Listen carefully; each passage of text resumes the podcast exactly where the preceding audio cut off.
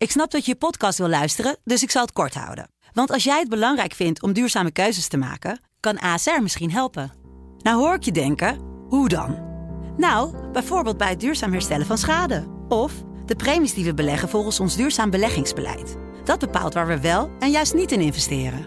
Wil je meer weten over welke duurzame keuzes ASR maakt? Ga dan naar asr.nl slash duurzame keuzes. ASR doet het. Zo, dan kan je nu lekker naar je podcast luisteren.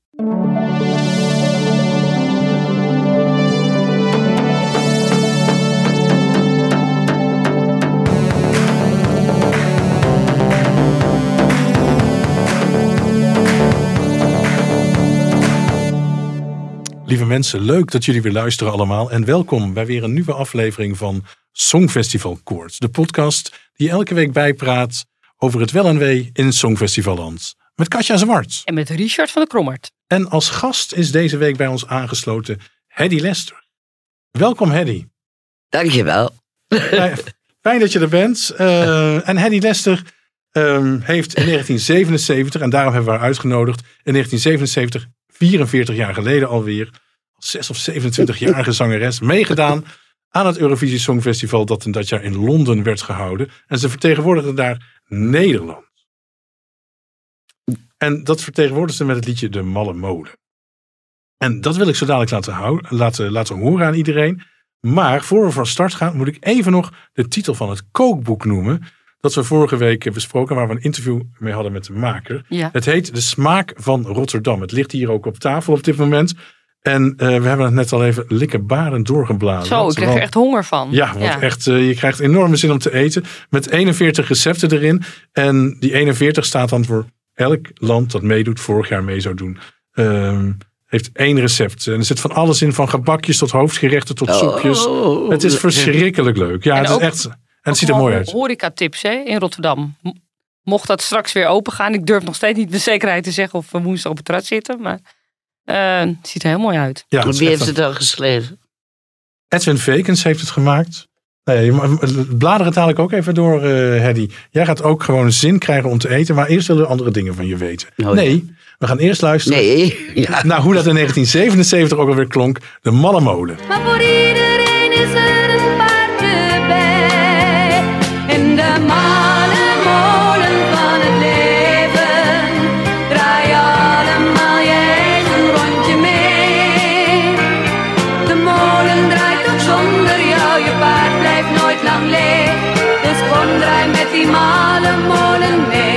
Een van de Nederlandstalige Songfestival-klassiekers. Zo mogen we het dan eh, toch echt wel noemen.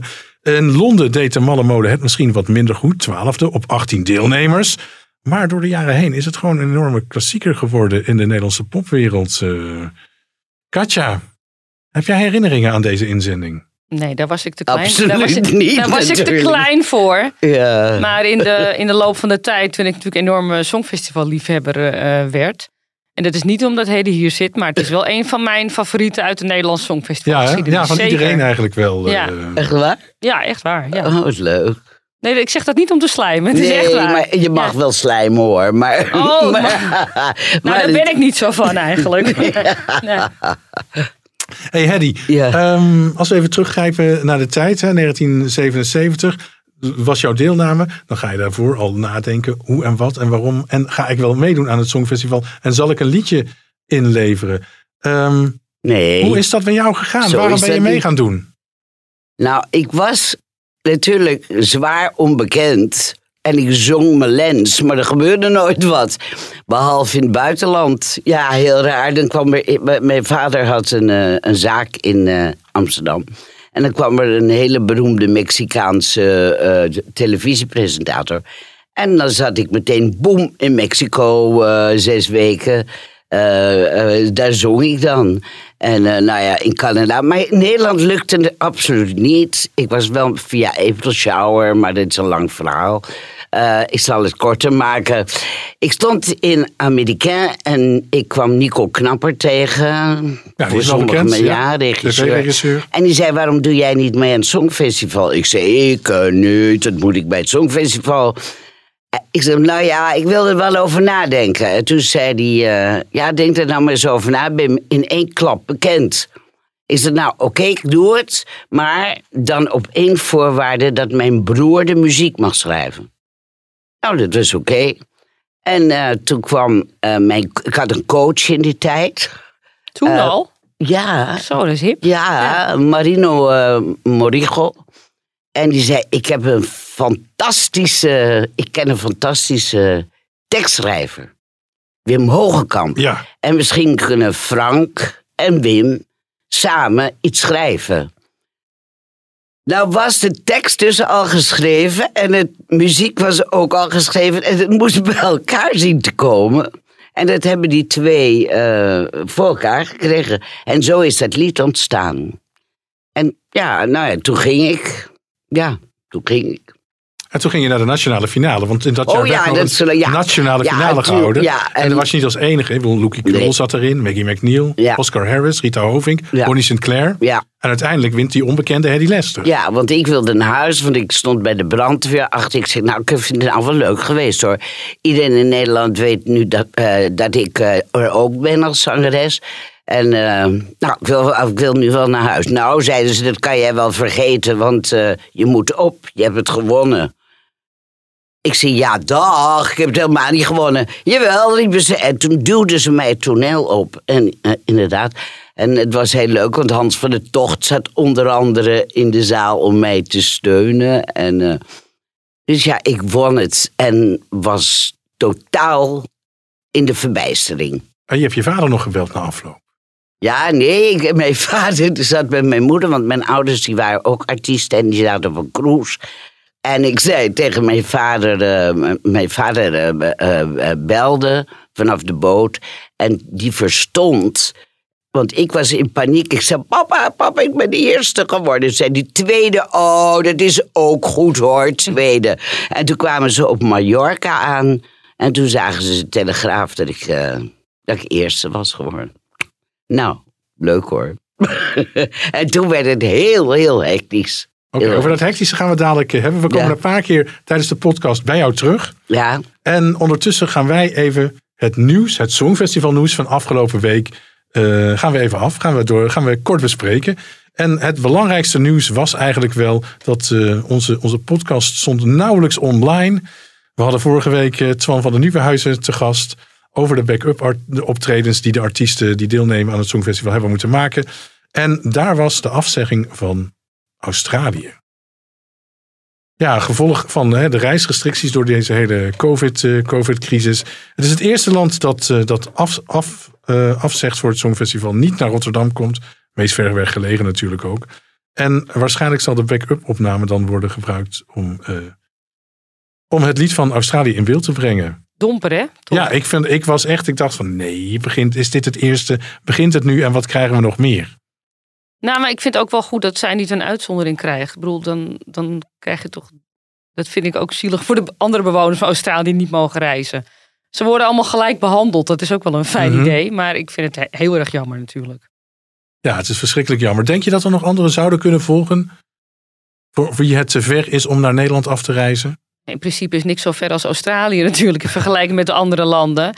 En dan hangt het er vanaf of iemand corona krijgt, denk ik. Maar dat kan je zoveel mogelijk voorkomen door eh, in quarantaine te gaan, denk ik. Ja, dat Ja. hoop ik ook. eh. Dan belangrijk is eh, dat eh, de op- opbouw in Ahoy is, is al twee weken bezig inmiddels.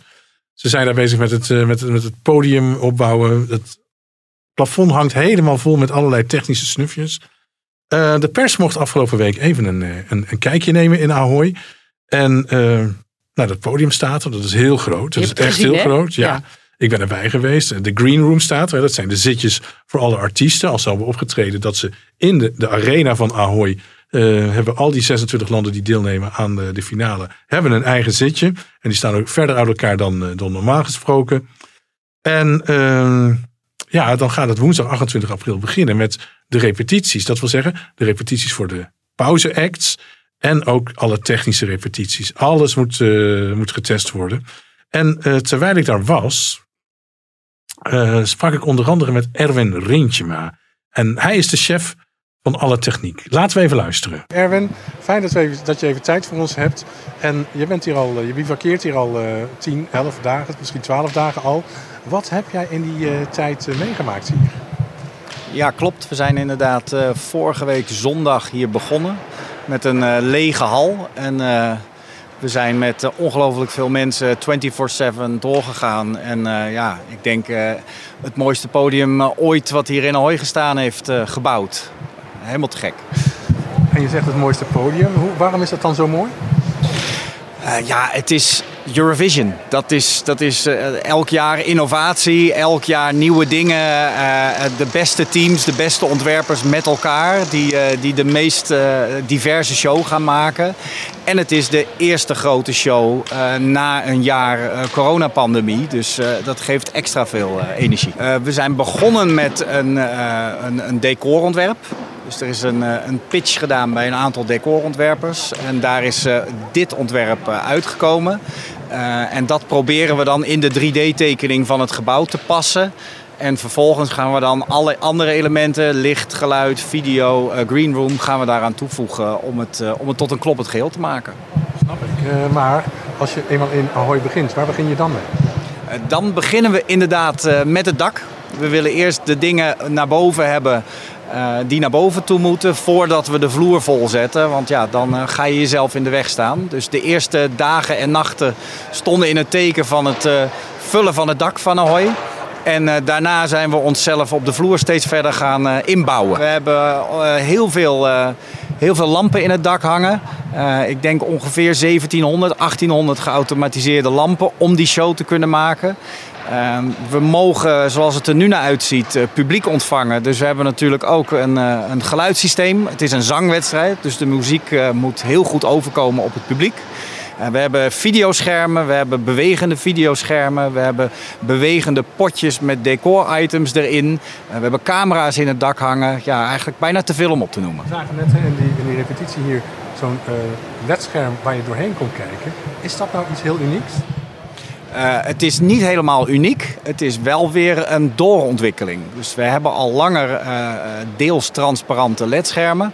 Ehm, dit jaar maken we een van de eerste keren gebruik van dit scherm. Wat nog weer transparanter is, maar wat ook nog een scherpere output heeft en nog meer lichtopbrengst heeft. Dus als die aanstaat, lijkt het nog meer een volwaardig, echt goed ledscherm. En als die uitstaat, kun je er perfect doorheen kijken. En dan het gewicht wat je aan dat dak hebt hangen. Kun je daar iets over zeggen? Eh, ja, eh, ook dat is eh, meer dan het dak ooit te verduren heeft gehad. Eh, we zijn echt tot, tot kort voordat we begonnen met opbouwen druk in overleg geweest, ook met de constructeur van het, van het pand. Omdat met al dit gewicht, volgens mij zitten we over de 200 ton aan gewicht wat het dak ingaat, moesten we heel goed puzzelen wat we waar wel en niet konden doen. En omdat we veel bewegende items hebben, die brengen een dynamische last in het dak, zoals wij dat noemen, moesten we ook daar heel goed puzzelen. Dat mochten we een noodstopsituatie krijgen, eh, dat het dak dat ook allemaal aan kan. Eh, ja, en dat was een flinke puzzel, maar gelukkig is het gelukt. En eh, we hebben alle stempels binnen. We zijn nu echt de puntjes op de i aan het zetten. Er wordt nog druk gebouwd aan de vloeren en aan het decor. Maar wij willen eigenlijk zondag einde dag al grotendeels opleveren. Zodat we maandag de overgang gaan maken richting de repetities. Eh, wij willen, omdat het een wedstrijd is, willen we gelijke condities creëren voor alle deelnemers. En dat betekent dat we dus klaar moeten zijn als we de eerste repetitie doen. En dat we niet nog met een zaag om de zanger van de eerste repetitie heen aan het werken zijn. Want ook hij moet diezelfde perfecte omstandigheden krijgen om zijn song te kunnen repeteren. Het is sowieso zo lang geleden dat het Songfestival in Nederland was. Uh, en ik denk dat we weer een stap gezet hebben in het niveau en in de presentatie en in de veelzijdigheid van de optredens uh, van het Songfestival. Het podium wat we hebben is echt een, een, een, leeg canvas bijna, waarbinnen alle soorten optredens plaats kunnen vinden. Van heel klein en intiem tot heel groot en bijna uh, te gek voor woorden. En ik denk dat dat met alle creatieve en alle leveranciers en alle crew die we hebben, dat dat echt uniek is, uh, dat we dat hier neer gaan zetten. Waar ben je technisch dan het meest trots op? Ik ben heel erg trots dat we dit met heel veel Nederlandse partners aan het doen zijn. De uh, Nederlandse evenementenindustrie staat heel goed bekend, internationaal. Ehm, wij werken met eh, publiek geld, dus wij hebben heel netjes internationaal aanbesteed eh, om de beste prijs en kwaliteit hier te krijgen. En voor het overgrote deel zijn daar Nederlandse leveranciers in naar voren gekomen. Eh, en dat blijkt hoe goed we met z'n allen zijn. En dat hebben we ook de afgelopen opbouwperiode gezien. We zijn zo ingespeeld op elkaar. We kennen elkaar zo goed. We hebben een fantastische locatie. En er is eigenlijk zonder stress, zonder een onvertogen woord, heel ontspannen, heel hard gewerkt. En ja, dat, dat, dat is mijn werk. Daar ben ik trots op dat dat gelukt is. Je merkt het er bijna op. Dat zou je bijna denken, maar we moeten zo meteen nog even die 39 acts tot leven wekken hier op het podium.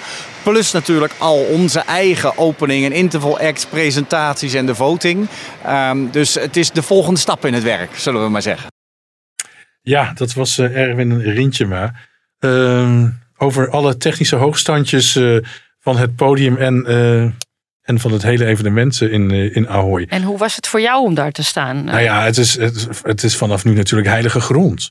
ja. We- mochten als pers, de koning wel, die koning was er ook bij, koning Ja, Willem ik zag Alexander. het, ja. We mochten als pers het podium niet op, maar ik hoop dat hè, over twee weken dat, ze toch even, dat ik toch even een rondje mag maken op het podium. Heb je ooit op het Eurovisiepodium gelopen? Ja, ik heb een paar keer op het Eurovisiepodium gelopen. Ehm, het, volgens mij in, in Wenen kan ik me herinneren. In Kopenhagen kan ik me herinneren. Waar heb ik okay. opgelopen.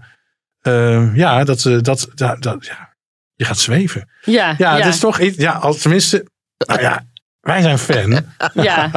ja. Dat is een beetje oneerbiedig woord vind ik het altijd, maar we zijn het wel. We zijn het wel. Ja, eerlijk is eerlijk. Ja, En ja, wat ik net al zeg, ik noem het, het is gewoon heilige grond. ja. En, eh, Nou, ik, ik ben gisteren dus in Rotterdam geweest. En ik werd al gek dat ik alleen al buiten stond, hè. Ik heb als een kip zonder kop daar staan gillen. Het is nu echt, het is hier. En ik, ik kon het gewoon niet geloven dat je gewoon de metro uitstapt. En dat je in Rotterdam allemaal songfestivalvlaggen ziet. ja, en hangen die er al? Ja, nou, buiten zie je allemaal vlaggen. En eh, nou ja, ik vond het heel onwerkelijk. We hebben er zo lang op gewacht. Ja, die technische hoogstandjes waren er in 1977 nog niet, hè? Die? Ik moet zo om jullie lachen. Oh, wat dan? Geweldig. Nou, dat jullie zo met passie en oh, Ja, waanzinnig. maar ja, En- anders zitten, zaten we hier oh, niet natuurlijk. wauw. hè. Ja. Nee, zeven, nee, nee, dat was niet zo. Nee, nee, het was niet zo hysterisch als het nu is. Of als wij zijn, bedoel je misschien. Ja, nee, dat bedoel ik niet. Nee. Maar het was gewoon heel. eh, nou, het was eigenlijk ook niet eh, eh, zo wel dan, hè, als je meedeed. Nee, was dat zo? Ja, dat was niet zo spectaculair. Ja, ik bedoel, het- het- de, de mens wel hoor, die, die me dan op straat. En het was waanzin, waanzin, waanzin allemaal. Met bloemen kwamen ze aan. In restaurants mocht ik niet betalen. Mensen kwamen met hele molens. Eh, Ik weet niet wat ze allemaal voor me gedaan hebben. Geweldige tijd gehad. Maar niet zo krankzinnig als het nu is. Weet je, Eh, eh, ze hadden toen ook veel meer kritiek op dingen. En, maar nu is het allemaal zo groot. En iedereen vindt het leuk. Maar toen niet. Toen, eh, als je bijvoorbeeld het toneel wilde gaan spelen. Ja, dan eh, moest je niet meegedaan hebben aan het Songfestival. Een soort taboe eigenlijk. Ja, Ja. het was een soort. Nou, to- toch nog even die technische hoogstandjes. Ja, want vertel verder. ja, als je nu op het podium loopt, daar zit ook allerlei. Weet je, in het podium zelf kun je allerlei eh, afbeeldingen laten zien. Dat kun je al een aantal jaren overigens. En ehm, er zal ook eens nieuws worden toegepast dit jaar. Dat heet dan augmented reality. Wauw. En dan, daarmee kunnen tijdens de show dus allerlei illusies worden toegevoegd. En die illusies zijn dus alleen op tv te zien. Dus als je in de zaal bent, zie je er niks van. Maar als je tv kijkt, dan krijg je een extra laag. eh, Gaan ze dan ook publiek toevoegen door middel van... ik heb geen idee. Ik bedoel, volgens mij moeten we even afwachten hoe dat precies in elkaar st- steekt. Ik hoop hè, over twee weken in Rotterdam ook te zijn. En misschien dat dan iemand is die me kan vertellen van... hé, hey, maar dit en dit, en dit gaan we doen. En zo en zo, en zo moet dat op tv gaan, eh, eruit gaan zien. Ik sprak eh, niet alleen met, eh, met Erwin, met Erwin Rintje... maar, maar ook met Sietse Bakker. En ik wilde natuurlijk even vragen van... ja, hoe is nou, wat heb je nou de koning laten zien... als die dan toch in Ahoy is om even te, te zien hoe de voorbereidingen lopen. En ik heb hem meteen even gevraagd van nou, dat wegblijven van Australië. En ik hoopte ook dat hij iets ging vertellen over wanneer die kaartverkoop nou gaat beginnen. Sietse, kun je vertellen wat er, wat er vandaag allemaal gebeurd is? Ja, sowieso gaat de opbouw hier achter mij en om ons heen gaat eh, eh, onverminderd door. En eh, vanmorgen mochten wij eh, de koning ontvangen om eh, hem mee te nemen in het verhaal van het Songfestival. Nou, we hebben hem eerst verteld eh, over het verhaal van het afgelopen jaar. Hè, het winnen van het Songfestival, de afgelasting, het doorpakken. Eh, en hoe we hier nu uiteindelijk eh, in een fantastisch Ahoy eh, staan om op te bouwen. We hebben hem meegenomen naar de zogenaamde front of house. Daarboven waar zich ja, het technisch hart van, van, van de productie bevindt. We hebben hem meegenomen op het podium. En dat was extra leuk, want het was ook voor ons de eerste keer dat we echt op het podium stonden. Dus dat was ja, voor ons ook een primeur. Eh, en daarna hebben we met een aantal mensen uit het team hier gesproken. En eh, eh, kort gesproken met een aantal vrijwilligers betrokken bij het Songfestival. Hoe groot is die operatie om Ahoy klaar te krijgen voor het Songfestival? Het lijkt wel weken te duren. Ja, dat klopt. Het Songfestival is natuurlijk een enorme productie. We zijn eh, 6 april rondom Ahoy begonnen met eh, het neerzetten van hekken en, allerlei eh, faciliteiten die we nodig hebben. Vervolgens zijn we hier 11 april begonnen met de opbouw. Eh, en nu eh, zijn we eh, eh, eh, nou ja, nog niet eens twee weken verder en staan we hier al eh, in de green room met achter ons het podium. En kunnen we over een aantal dagen gaan beginnen met, eh, met repeteren. Beginnen met repeteren. Wat voor repetities heb je het dan over? Nou, dan moet je denken aan eh, openingsacts, eh pauzeacts, eh, presentatiemomenten en natuurlijk die puntentelling. Want daar mag absoluut niks misgaan. Hey, dan toch nog even het nieuws van afgelopen week. Is dat Australië niet komt. Ehm, in hoeverre hebben jullie daar rekening mee gehouden? En is dit de eerste van een reeks landen die niet gaan komen? Of hoop je dat de rest alsnog wel gaat komen? Nou, rekening hebben we er sowieso mee gehouden door met alle landen een, eh, een backup opname te maken van hun optreden in eigen land. Eh, Australië, daar wisten we van dat het spannend zou worden, want de reisregels in Australië zijn eh, heel streng. Er zijn heel veel Australiërs die ook niet naar huis kunnen. En het is natuurlijk heel ver weg, dus het is heel lastig om hier met allerlei overstappen te komen. Eh, natuurlijk ontzettend jammer dat het eh, niet is gelukt. Vooralsnog, alle andere deelnemers eh, zijn nog steeds voornemens om hier naartoe te komen. En we hopen natuurlijk dat dat de komende weken zo blijft. Je hebt natuurlijk de afgelopen jaren flink in de organisatie gezeten hier. Hoe gaat Europa, het Songfestival in Rotterdam, ehm, zich herinneren? Het is natuurlijk sowieso een songfestival in een hele bijzondere tijd. Eh, eh, we hebben met elkaar een heel moeilijk jaar achter de rug eh, door de coronacrisis. En we hopen dat we met het Songfestival iets kunnen maken dat mensen internationaal ook weer verbindt. Dat ook weer hoop biedt voor, voor de toekomst. En ook iets waar mensen weer naar uit kunnen kijken. Want er is natuurlijk niet heel veel leuks te beleven op dit moment. Dan even tot slot. eh, je hebt aangekondigd dat er misschien publiek eh, in, eh in Ahoy kan zitten. 3500 mensen, heb ik je horen zeggen. Ehm, is, is dat plan nog steeds overeind? Nou, het plan ligt er. Hè. We hebben het afgelopen jaar met heel veel scenario's gewerkt. Dus we hebben nog steeds een scenario met publiek en een scenario zonder publiek. Het voelt natuurlijk al heel dichtbij. Hè. Over een maand hebben we hier de finale. Ehm, eh, tegelijkertijd, het is ook nog heel ver weg. En we gaan echt van dag tot dag, van week tot week, eh, de komende weken kijken naar hoe de situatie in Nederland zich ontwikkelt, hoe de situatie in de zorg zich ontwikkelt, eh, om daar het meest verstandige besluit in te kunnen nemen. Het kan tot het laatste moment duren totdat je er een finale klap op geeft, begrijp ik nu. Nou ja, de afgelopen maanden, het afgelopen jaar hebben we natuurlijk gemerkt dat eh, eh, de situatie elke dag bijna kan eh, veranderen. Dat hebben we ook ondervonden in de organisatie, in de voorbereidingen. En ook de laatste weken zullen er ongetwijfeld nog een aantal belangrijke beslissingen moeten worden genomen.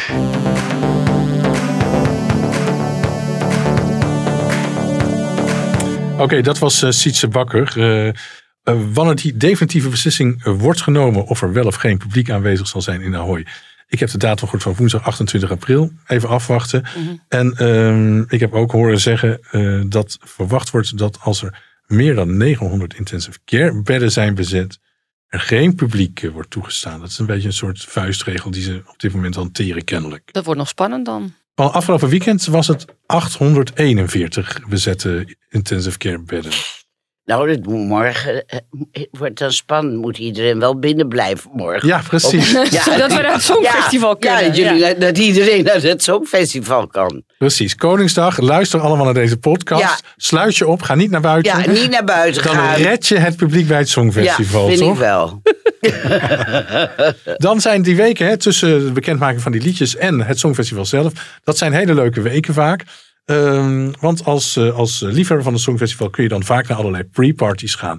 Hè, Eurovision in Concert in Amsterdam is een jaarlijks feestje. Ja. Dat wij eigenlijk niet meer willen missen. Maar nu al twee jaar op een rij eh, niet is doorgegaan. Mhm. Eh, Madrid, Londen, Moskou, Tel Aviv. Iedereen, ja, dat, heel veel steden kennen zo'n eh, zo'n pre-party feestje. Waar een aantal deelnemers vaak acte de présence geven.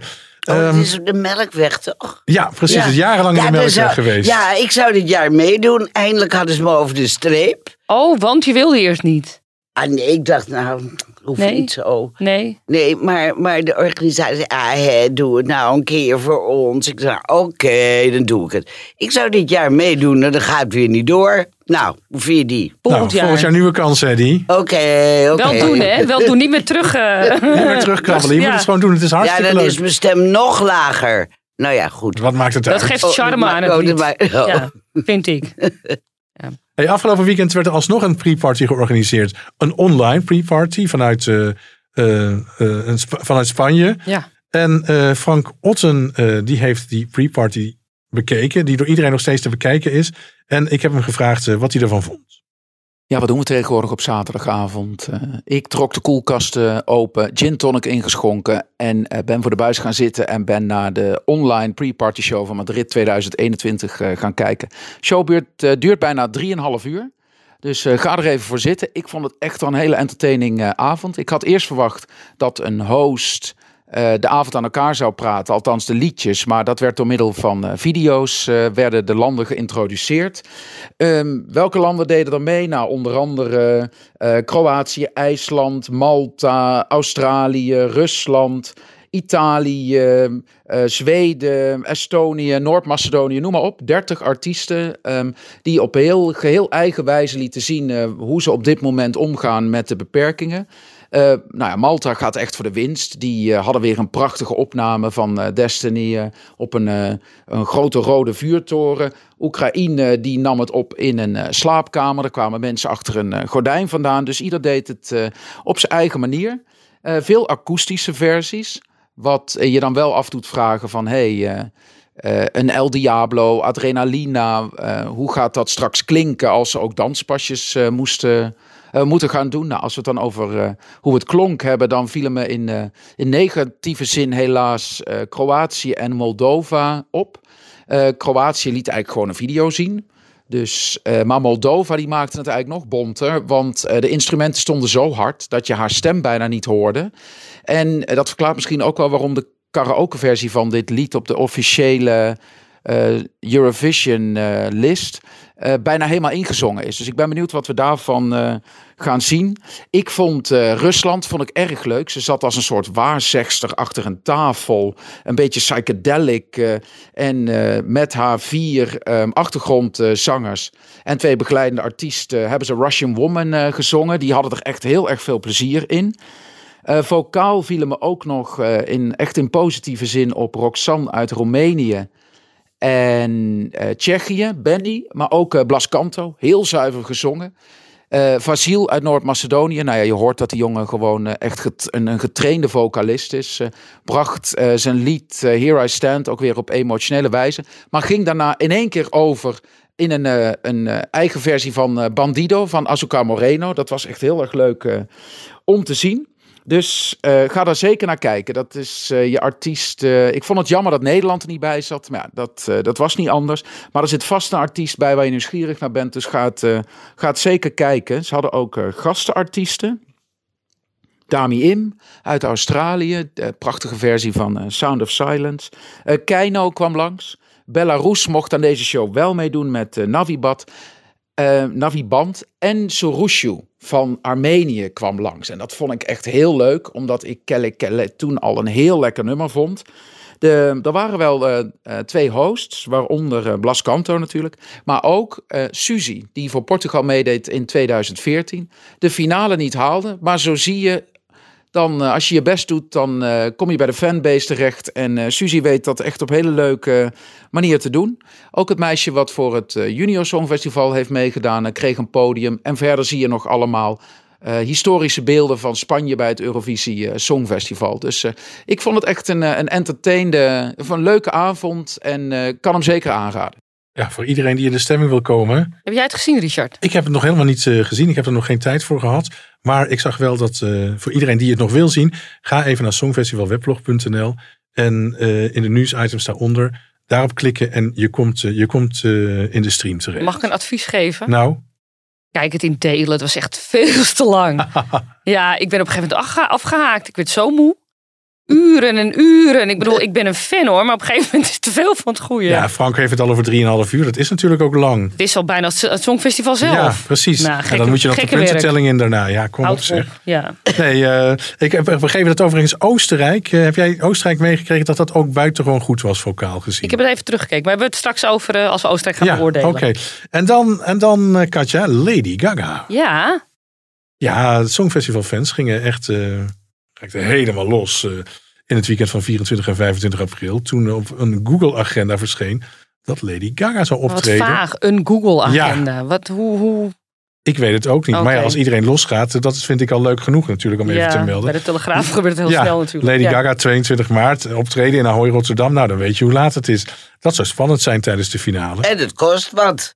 Of niet? Ja, Ja, het maar kost dat wat. kostte Nou ja, Madonna ook twee Madonna jaar kost ook eh, heel Oh veel ja, geld. die ja. was er ook nog, ja. Ja. Ja, Ja. dat klopt, ja. Sietse Bakker reageerde meteen op Twitter met de tekst, eh, of het waar is of niet, met, met, met zijn tekst Not That We Know Of. Ja. Dat ging ook helemaal viraal. Ja, natuurlijk ging dat viraal. Maar ehm, eh, een, een dingetje. Lady Gaga bevindt zich momenteel in Italië voor een Mhm. filmopname voor House of Gucci. Kijk, Film van Ridley Scott. Eh, dus die is al in Europa. Dus dat, dat zou wel kunnen natuurlijk. En eh, dat Not That We Know Of, dat hebben we natuurlijk eerder gehoord met Madonna. ja, hij ontkent het niet glashard. Nee, maar ook als ze het wel ontkennen, dan dat zegt mij niks. Nee. Ehm, wat ik wel grappig vond, ik, ik ben een, eh, een serie aan het kijken momenteel op YouTube. Eh, dat heet Humans of Eurovision. Dat, is, dat wordt gemaakt door een voormalige head of delegation van Tsjechië, Jan Bors. En die interviewt allemaal mensen achter, het, eh, achter de schermen van het Songfestival. Mhm. En zo heeft hij ook eh, Joon Ola Sand eh, geïnterviewd. De voormalige, hoe noem je dat? Executive, executive supervisor van het Songfestival. En die vertelde wel wat interessants. dat hij het eigenlijk helemaal niet zo eens was met het optreden van Madonna. Want hij vond al die ja, Amerikaanse inmenging niet nodig op een Europees nodig, festival. Het Euro- het, het- hij zei het Songfestival is sterk genoeg van zichzelf. Sterk merk van zichzelf. eh, eh, hoe zeg ik dat? Sterk merk eh, van zichzelf al. ehm, en heeft, dat, heeft, heeft die Amerikaanse artiest niet nodig. Het wordt natuurlijk een soort, eh, ja, als ik erover nadenk, een soort Super Bowl-achtige toestanden Mhm. krijgen we dan. Exact. En ehm, ja, ik ben hartstikke fan van Lady Gaga. Daar gaat het niet om. Maar ik, ik vond wel dat hij een punt heeft Dat vind ik eigenlijk ook. Ja, Het kan makkelijk wegblijven, zo'n internationale artiest. Ze Mhm. zullen het absoluut niet missen. Aan de andere kant, het is wel. Lady Gaga is fantastisch. Toch, als je toch over YouTube-series hebt. eh, Jeroen Kijk in de Vechten start eh, in de week van eh, maandag 26 april. Vier weken lang een YouTube-serie. En dat is een zoektocht naar het winnende Songfestival. Waar moet dat eigenlijk allemaal aan voldoen? Ik sprak Jeroen daar even over. hey, maar ik wil eigenlijk beginnen. Het is dan een serie die op YouTube komt. Maar ik wil eigenlijk beginnen met waar jouw Eurovisie-liefde is gestart. Want zonder liefde kun je dit niet maken. Ik heb die eerste aflevering mogen zien. En eh, daar zit al zoveel werk in. Je hebt, het er niet, je, hebt, je hebt je er niet makkelijk van afgemaakt. Nee, nou ja, in, kijk, in die zin is het ook een beetje een uit de hand gelopen eh, ding geworden. Omdat van vorig jaar zomer of najaar of zo eh, eh, met wat mensen op het terras zaten en eh, dachten van wat kunnen we nou nog eens leuk doen. En toen bedachten van kunnen we niet nog een, een soort van nieuwe serie rondom het Songfestival maken. Die we dan eh, nou ja, rond deze tijd eh, bij de mensen neerleggen. En eh, nou ja, nou, nou, leuk idee. Bij BNNVARA en bij de NPO neergelegd. Die waren er ook enthousiast over. En toen zijn we aan het eh, bellen geslagen. Omdat we dachten, we willen oud-kandidaten spreken. We willen oude winnaars spreken. En, nou ja, die mensen worden waarschijnlijk bedolven onder eh, allerlei eh, aanvragen en verzoeken. Eh, maar gek genoeg zei ongeveer iedereen die wij eh, ja, wij willen nog graag meewerken. Dus toen hadden we op een gegeven moment een line-up echt om je vingers bij af te likken. En toen, ja, eh, was die serie ineens geboren. En eh, dat, dat was wel heel erg leuk. En het is heel veel werk geweest, inderdaad, precies wat je zegt. Maar ik denk wel, ehm, wel, de- wel, de moeite. Ja, ik weet niet hoe dat bij jou ontstaan is, maar gewoon van, van, van af aan, zeg maar, het hele idee van zo'n grote show en live televisie en ehm, het, het hele idee van mensen die zich op hun paasbest presenteren. En dat vond ik altijd fantastisch. En als kind eh, keken we dan naar, maar dan was die avond eigenlijk net te lang en dan moesten we naar bed. En dan kwam toch mijn moeder nog eventjes naar boven om aan het eind van de show eh, om de hoek van de slaapkamerdeur te zeggen: Zweden heeft gewonnen. Weet je, en dan dat, dat, dat wordt dan zo'n soort magisch iets. En ehm, ik heb dat ik ben, ben altijd blijven volgen. Ik ben niet zeg maar een soort van ehm Cornel Maas of Richard van der Krommers die je kan vragen wie er in 1983 vijftiende werd. Dat, dat, zo, zo ver gaat het bij mij niet. Maar het is wel een, een, oprechte liefde. Dit is de hele serie ook niet gemaakt als een soort van. De, ik ga nu eens even vertellen hoe het Songfestival in elkaar zit, als een soort spreekbeurt, maar meer ook vanuit nieuwsgierigheid van mij. Omdat ik dacht van, hoe, hoe, wat, zouden, wat zouden mensen te vertellen hebben? Hoe zou, wat zou hun idee zijn over waar zit hem dat in dat je een songfestival wint? Want ja, de ene keer is dat een vrouw in een, eh, die ver- verkleed als kip eh, een liedje doet. En de andere keer is het Duncan Lawrence. Hoe, wa- waar zit hem dat dan in? En dat is, dat is heel interessant. En ben je er inmiddels achter, want dat draait jouw serie om. Hoe win je het Songfestival? Ben je er inmiddels achter of er een formule bestaat?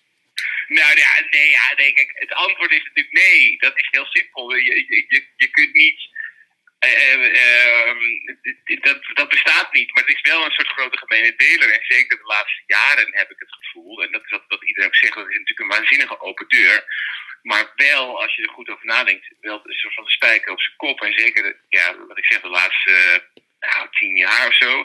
Dat je iets, een, een act maakt die wel een soort van bij jezelf staat. Dat, maar dat zie je aan Netta bijvoorbeeld ook. Eh, zij vertelt het verhaal over het feit dat ze vroeger eno- enorm gepest is. En eh, ja, uiteindelijk ehm eh, daartegen opstaat en tegen haar pesters opstaat. Net als dat ik gisteren bij op één was en Jort Kelder zegt, ja, en een man in een jurk. Dat is zeker jezelf zijn. Ja, ja, dat is de ultieme vorm van jezelf. Ja. Conchita wordt dan, hè. Vind ik dat heel tof dat hij dat laat zien. En blijkbaar vindt het publiek dat ook door heel Europa. Zien, voelen mensen van, oh ja, maar dit is echt wie hij is. En bovendien, hij is een waanzinnig goed nummer.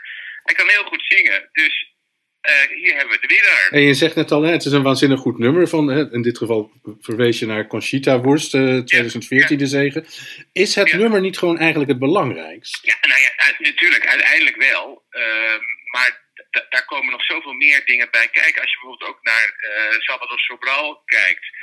ehm, da- dan zeg je die man had in wezen geen act. Die had geen performance. Die deed niks. Die had niet, niet een, een, hele speciale outfit. Die heeft niks gedaan aan ehm, een, om, een, set te bouwen met vuurwerk en licht en dingen. Die, dat was, maar tegelijkertijd was dat daardoor juist zijn act. Omdat we natuurlijk allemaal wisten van zijn verhaal en over dat hij nou ja, eh, een zwakke gezondheid had. En dat iedereen dacht van, oh, als het maar goed gaat, als hij maar niet doodgaat, dat je zo. Dat droeg daar enorm aan bij, aan dat verhaal. En da- ja, goed, eh, als hij dan ook nog eens een waanzinnig mooi nummer eh, zingt, ehm, op de manier zoals hij het gedaan heeft, ja, dat vind ik heel knap. En dat is eigenlijk heel fascinerend om te zien, omdat er natuurlijk heel veel landen zijn die uren en uren vergaderen en nadenken over een soort van hoe kan ik dit stages, de, de- deze act. En hij denkt, ik stage helemaal niks. Ik ga daar gewoon staan en ik zing het liedje.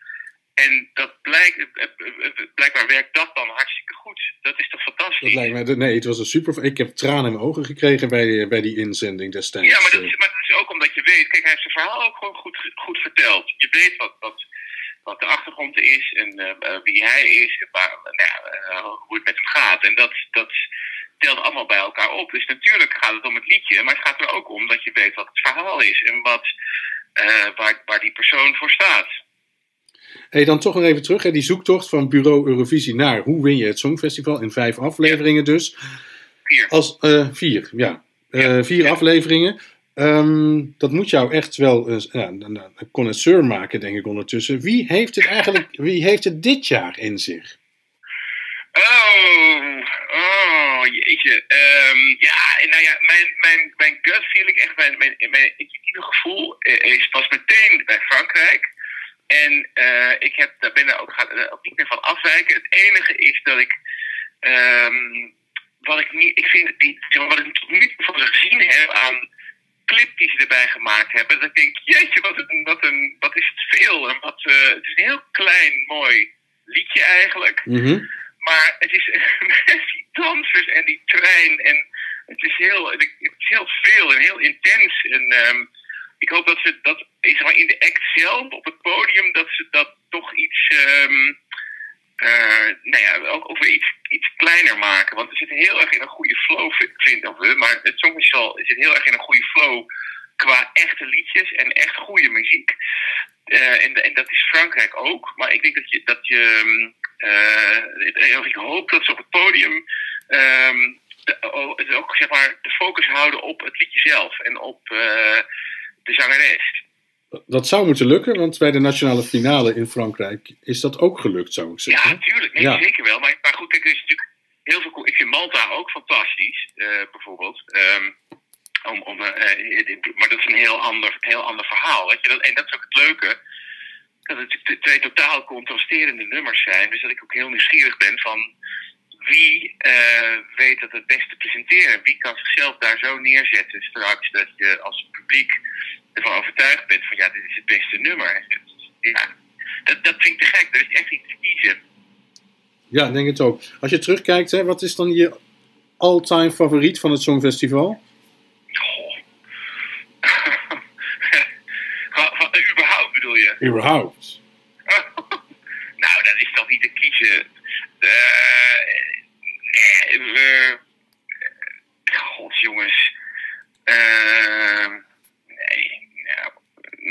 uh, allemachtig. Nou, eh, dan zeg, ik- oké, dan zeg ik Anouk en Birds. Want ik vind Anouk, wat Anouk gedaan heeft voor Nederland, voor het Songfestival, is echt eh, dat, dat, dat, dat is echt heel belangrijk geweest. Omdat we natuurlijk in zo'n negatieve flow zaten als Nederland. Als het ging om de acts die we sturen. En überhaupt een keer verder komen dan een halve finale. Dat was ook al een eeuwigheid geleden eh, in die tijd. En zij flikte het gewoon. Omdat zij dacht, het kan geen reet schelen. Ik maak gewoon een mooi nummer en ik ga daar staan. En ja, zij heeft, zij heeft daardoor de weg gebaand eigenlijk voor voor Ilse. En ehm eh Douwe natuurlijk net zo goed. Maar doordat Ilse het zo goed deed, eh, kreeg ze ook weer een vinger in de pap. En heeft ze Duncan natuurlijk naar voren geschoven. En nou ja, zie waar we nu zijn. Had Anouk moeten winnen? Ehm, ja, dat had niet misstaan, laat ik het zo zeggen. Ik, eh, het, is, natuurlijk- het is van allerlei factoren afhankelijk. Maar eh, dat had ze, had ze op zich eh, prima verdiend, wat mij betreft. Oké, nog even. Ehm, Jeroen, waar kunnen we jouw serie de komende weken zien? Ehm, we zijn elke maandag komt er een nieuwe aflevering online, waarvan dus eh, aanstaande maandag, de 26e, de eerste. Ehm, eh, en dan vier afleveringen tot aan de week van de halve finales en de finale op het YouTube-kanaal van NPO Radio 2. Wij gaan absoluut kijken. Dankjewel voor nu voor je tijd. Oké, Richard, dankjewel. Dat was Jeroen Kijkende Vecht, hè? En Hij zegt iets belangrijks, vind ik. vertel, ja? Nou, eigenlijk dat als je kan nog zo je act eh, bij elkaar hebben en, en, eh, en een goed lied, maar als je niet geloofwaardig bent, dan houdt het eigenlijk al snel op. Mhm. Ik denk dat hij daar gelijk in heeft. En ik denk dat het een heel belangrijke is, want eh, hè, je kan nog zo leuk, een leuke act, maar als je te veel een act opvoert, dan prikt het publiek eh, heel snel doorheen. Ja, maar dat is met alles zo, toch? Lijkt mij. Ja, dat is met alles zo. Dus ook bij het Songfestival. Maar het is, er wordt niet vaak over gesproken dat het zo. Mensen zeggen, als je maar een goede act hebt, dan kan je het winnen. Ja, maar dat is zo werkt het niet Nee, natuurlijk. zo werkt het niet. Nee. Maar, en wat, wat hij zei over Frankrijk is de enige die ik gehoord heb. En dat is Piaf. Eh, Piaf zit, staat daar Ja. te zingen. Waanzinnig mooi. Dus eh, ja, had gelijk. Je, je duimt voor een zegen van Frankrijk eh, nu. Ja, nou ja, ik heb natuurlijk... Frankrijk heeft eh, toen gewonnen in Londen. Ja, En eh, dat, dat was heel, heel leuk. Want haar vader had een horecabedrijf in Parijs. En wij hadden het in Amsterdam. Dus er waren overeenkomsten eh, tussen ons. Het was wel heel grappig. Ja. Maar dit liedje is prachtig, Frankrijk. schitterend hè? Ja, schitterend liedje. Wij bespreken elke week vijf inzendingen. Eh, en met, eh, met eh, elf eh, juryleden. En we tellen aan het eind alles bij elkaar op. En ik heb vanmiddag even een tussenstand berekend. En ook bij onze elf juryleden staat Frankrijk bovenaan de lijst. Als grote favoriet, moet ik eerlijk zeggen. Maar ja, Jean-Gu, heb je Jean-Gu nog niet gezien dan? De Nederlandse inzending. Eh, ja. Het... ja, heb ik gezien, ja. En wat vond je dan van de Nederlandse inzending? Ik vond die van verleden jaar mooier. Mhm. Ja, ik vond. Ja, dat is alles wat ik. Ik, ik gun hem alles hoor. Die jongen die, eh, die heeft ontzettend een goede uitstraling en, en, en zingt lekker. En het is een, eh, eh, hij lijkt me een ontzettend leuke jongen. Maar het liedje valt mij tegen, ondanks dat ik van Surinaamse afkomst ben. Ja, Ehm, en toen dacht, ik, toen dacht ik wel aan mijzelf. Want mijn man, mijn, eh, mijn man zei toen ik in eh, Londen stond... je moet het in alle talen gaan zingen. Want ik moest Nederlands zingen hè, in die tijd. ja. Ze zing het nou Duits, Frans. En dan word je gedisqualificeerd. En dan ben je wereldberoemd. Maar ja, hij had gelijk, had gelijk. Maar ja, dat durfde ik natuurlijk helemaal niet, Tutje Hola. Had ik het maar wel gedaan. Maar ja, goed, eh, daar is niks aan te doen. Maar nu met dat Surinaamse gedoe, ja, het is wel leuk hoor. Maar ja, het is voor mij geen echt nummer. Eh, geen, geen echt lied in die zin. Maar dat is misschien, ja, ik, ik, ik gun hem alles. Ik bedoel, van mij mag ik winnen. En versta je dat Surinaamse gedeelte ook? Nee, nee, ik ben niet eh, zo. eh, nee, dat ben, nee, niet helemaal. Wel een beetje, maar ik moet je heel eerlijk bekennen. Als zing het is, want ik, ik zou niet weten hoe het gaat. We laten je dadelijk een stukje horen. Oh, misschien Ja, herken ik dan wel wat. Surinaams in. Ja.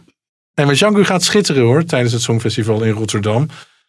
Eh, want er komt een decor uit Eindhoven naar de Maasstad. Eh, dat las ik in ieder geval in het Eindhovens Dagblad vorige week. En Avro Tros heeft het visuele animatiebedrijf, nou dat zegt al genoeg, Maincourse gevraagd om aan de slag te gaan voor de show van Jean-Gu. Ik heb die mannen ook nog even gebeld, eh, eh, de, de mannen van uh, Maincourse. Niet zo'n groot bedrijf. En die zeggen, zowel tegen het Eindhovens Dagblad als tegen mij, zeggen ze, we mogen nog helemaal niks vertellen over de inhoud van de show. Hè, dat hebben ze allemaal moeten beloven. We kunnen alleen kwijt dat we aan de slag mogen met het grote scherm en de vloerproductie. En daar mogen wij samen met het team van Jean-Gu bepalen wat er op de LED-panelen eh, allemaal zichtbaar is. eh. en daarna ging ik ook nog even met ze appen. En, eh, dus, en toen bevestigden ze nog een keer van, nou, het is dus echt het hele decor. Dus alle LED-content voor die Nederlandse inzending. Daar gaan wij een rol in spelen. En ik sprak Jean-Gu ook nog even over zijn podiumpresentatie. Wat voor sfeer wil je gaan overbrengen op dat podium? uiteindelijk wordt, is het wel de bedoeling dat, dat, het een, dat het iets feestelijk wordt. En iets positiefs en iets uplifting. Dus ehm, niet zwaar, maar ja, optimistisch, hoopvol, licht, die manier. Hey, en waarom zou animatie daarin passen? Animatie, Ja. Ehm, visuals. Ehm, nou, die kunnen helpen bij het vertellen van het verhaal. Ja, ik ben altijd van mening dat dat er wel moet gebeuren op een manier die dat echt, echt die het verhaal, ja, dat het verhaal echt versterkt. Dus het moet niet draaien om de, om, om de animatie, maar ja, we hebben straks een heel mooi podium met overal ledschermen en zo. En dus, eh, ja, we gaan zeker dat, daar wat mee doen. Oké, dat, is, eh, dat, dat, dat is fijn te horen. Heb je dat podium al gezien? Ik heb foto's gezien. Ik zag dat eh, gisteren. Ja, ik zag gisteren op de, op de kanalen van Eurovision en, eh Song en Afrotros zag ik eh, beelden van eh, dat ze best ver zijn met de opbouw. Ja, maar de- dan, dan toch nog even. Dat podium is echt bizar groot. Hè? De koning stond er donderdag ook op. Dat heb je Ja. waarschijnlijk meegekregen. Ehm, Ben jij gewend aan zulke grote podia? Ehm, nee, nee, ik denk niet dat ik ooit op zo'n groot podium heb gestaan. Ik heb wel eerder in Ahoy gespeeld. Ehm, nou, ja, een keer, mijn eigen show natuurlijk met, met Noordzee Jazz. Ehm, en ja, een keer voorprogramma eh, van, eh, wat, wat was dat ook alweer? Van eh, die band die Red Red Wine zingt. Ehm, UB40. ja, ik doe 40. Ja, maar dat was toch iets heel anders dan, dan dit podium. Ik denk dat dit podium wel ehm, overweldigend groot is. Ook qua you know, wat er allemaal kan met het podium. Ehm, maar ik heb heel veel zin in. Ik hoop dat ik in de toekomst nog vaker op zo'n podium mag staan. Ja, dat hopen we met z'n allen natuurlijk. Eh, luister dan, de boekmakers. Ik moet daar eh, vakmatig elke week even een blik op werpen. ja, je hebt een blik geworpen. Ja, ik heb een blik geworpen. Hoe komt het dat ze het zo bij het verkeerde eind hebben? Ja, ik weet niet. Ik denk dat ze gewoon nu baseren natuurlijk op wat er... Ja, ik heb, ik heb geen idee waar, waar ze het op baseren eigenlijk. Maar eh, ik ben eigenlijk niet zo mee bezig, omdat het me niet echt helpt in de voorbereiding of zo. Ja, we zijn gewoon druk bezig om iets neer te zetten wat zo goed als mogelijk is. En eh, ja, we gaan ons gewoon ons uiterste best doen.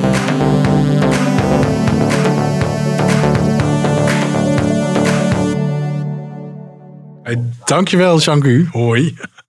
We zijn terug, we zijn terug bij Hedy. Je hebt meegeluisterd, hè? Ja, maar, maar ik, ik heb meegeluisterd. Ja, met het eh, interviewtje met eh Ja. Jean-Gu. Ja. Ehm, een lievertje. ja, toch? Dat is wel een lievertje hoor. Ja, lieve jongen. Ja, lievertje. Ja, we hebben het over. Ik, ik confronteer hem even met de boekmakers. Met de boekmakers staat Nederland echt 35ste van de 39 landen. Ja. Maar hoe was dat in eh, Londen 1977? Stond op nummer 1.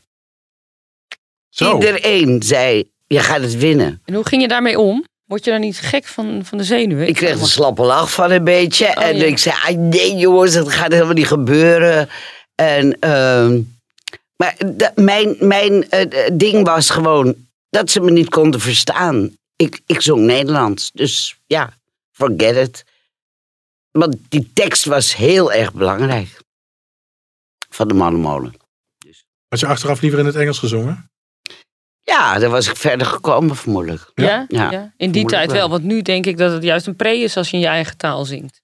Maar er is natuurlijk wel wat veranderd. Ja, er is zoveel veranderd. Ja. Ik kan het niet meer bijhouden hoor, bijna. Zo ontzettend. Dat hele Eurovisie, dat is voor mij één groot, alleen maar één groot feest. En het was toen, ja, het was gewoon heel anders, veel eh, ingetogener was het. Je had geen act of zo. Nee joh, ik had wel eh, eh, drie meiden achter me. Maar weet ik niet meer of Margriet Eshuis in het koor zat in Londen. Dat weet ik niet meer. Wel in Nederland. En ik zit even te denken, Jody, Pijper? ja? Ja. Die zat erbij, maar die werd ziek in Londen. Dus dat was een grote ellende. Ja, er waren, er waren een hele hoop factoren waar, waar ik van ik dacht... oh mijn god, wat gaat dit allemaal worden? Dat wel.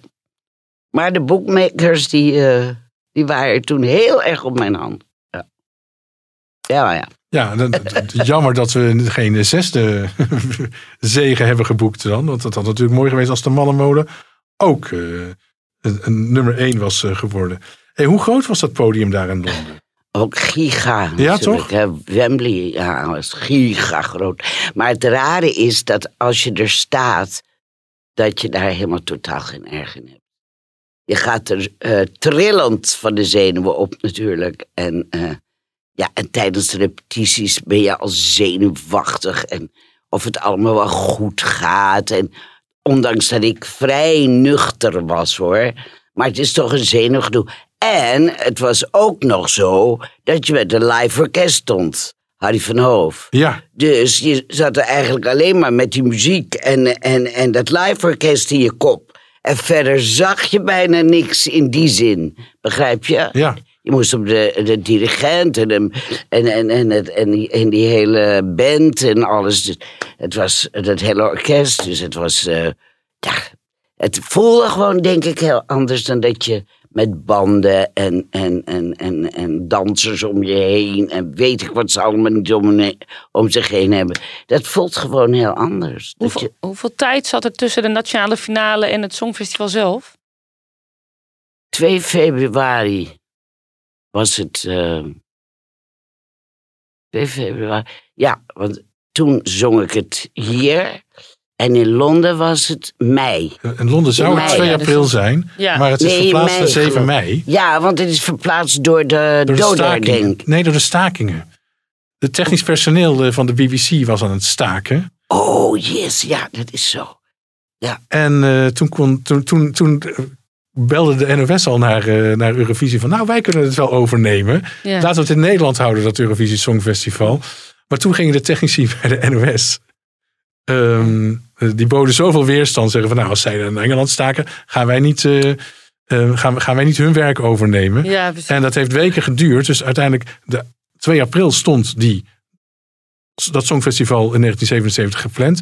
Dat is dus vijf weken later geworden, 7 mei 7 mei, 1977, ja, ja, ja, dat het ja. was, werd gehouden. Toen was kennelijk ook dat conflict, dat eh, waarschijnlijk Ja, een loonconflict ja. was, met de technici van de omroep Ja. tot een oplossing gekomen. dat Nou ja, ik vroeg het, want ik denk, als, als niemand je kent, hè, op 1 februari, Ja. op 2 februari win je dat en dan heb je alle boekmakers op je hand. Wat doet dat met je dan?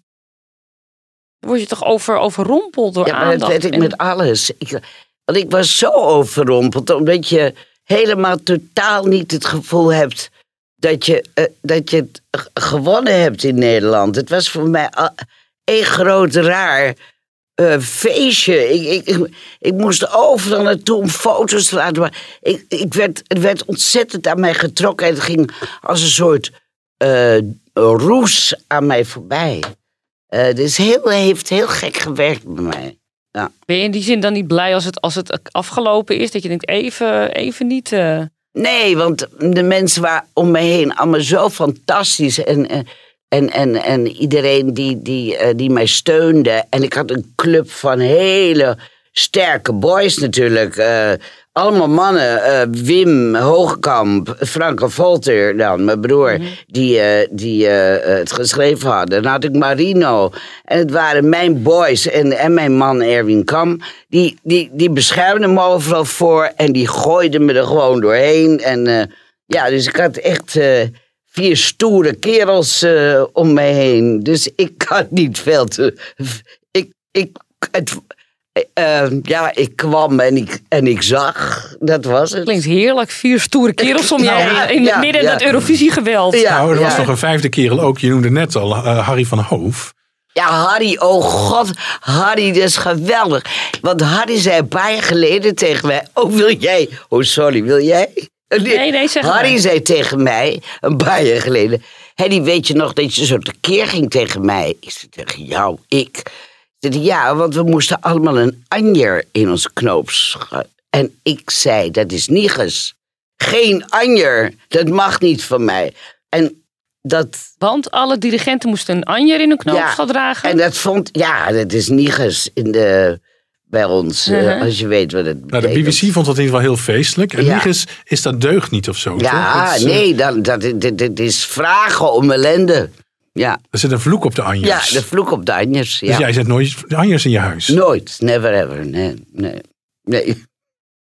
Ja, ik denk aan Prins Bernhard, maar dat is een ander verhaal. Oké. Ja, dat Heeft Harry, hem- heeft Harry die, eh, die anjer nog afgedaan? Ja, dat, ja, geloof het, dat hij hem niet gedragen heeft. Voor mij. Want ik was helemaal... Daar werd ik dus helemaal hysterisch van. Ik zei, niet doen hoor, niet doen, want dat is niet goed. Die Anjer is niet goed. Nou ja, dat heeft niet veel geholpen, want ik ben toch nog nummer 12 geworden. Dus die Anjer had hij net zo goed wel eens eh, kunnen dragen.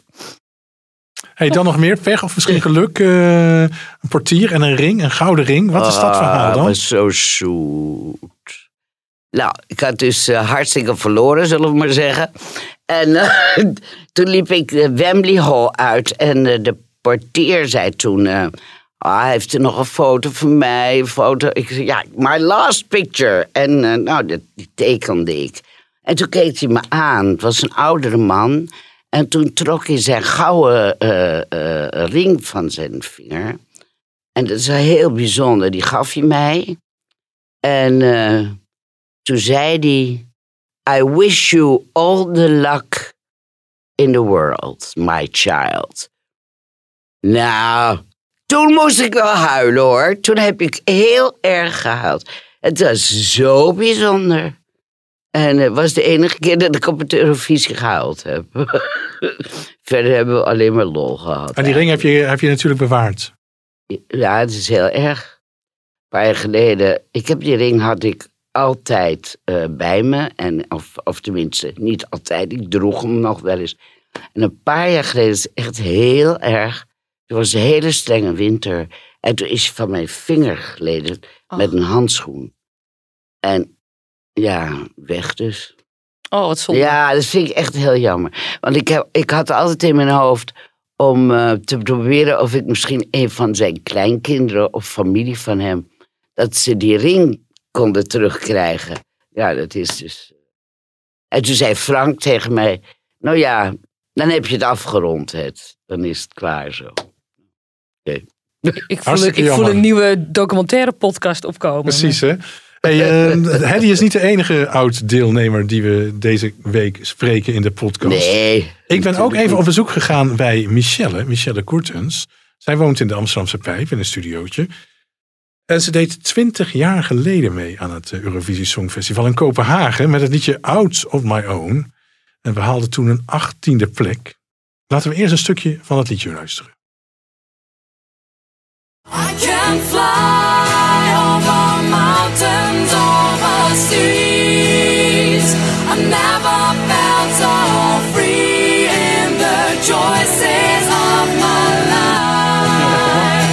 Het is, wel- het is ook een mooi, het is echt ook een, een mooi songfestivalliedje van Nederland geweest. En hoe heet ze? Ze heet Michelle.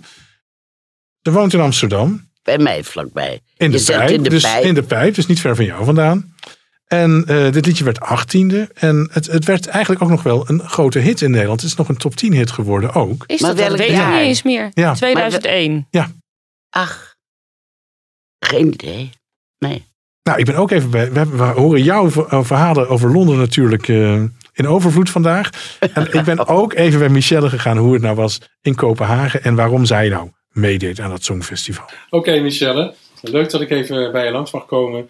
En eh, wat we na al die jaren eigenlijk willen weten van je is... Heeft dat Songfestival voor jou nou iets opgeleverd? Eh, ja en nee. Ehm, ik denk sowieso in eerste instantie heel veel. Toen ik 19 was, eh, ik was 19 toen ik meedeed. Eh, tuurlijk leverde me dat op dat moment hartstikke veel op. Ten eerste een prachtig optreden in Ahoy. Vervolgens een prachtig optreden in Kopenhagen.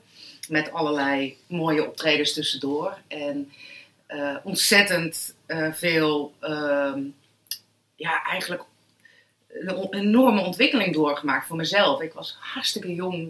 Ik was 19. Sommige mensen zijn dan al redelijk volwassen. Ik was echt wel jong toen ik 19 was. En ik moest ineens best wel snel eh, een beetje volwassener worden. Dus in die zin voor mezelf persoonlijk heeft het heel veel gedaan. Ik heb ook heel erg ontdekt wat ik wel wilde, wat ik niet wilde.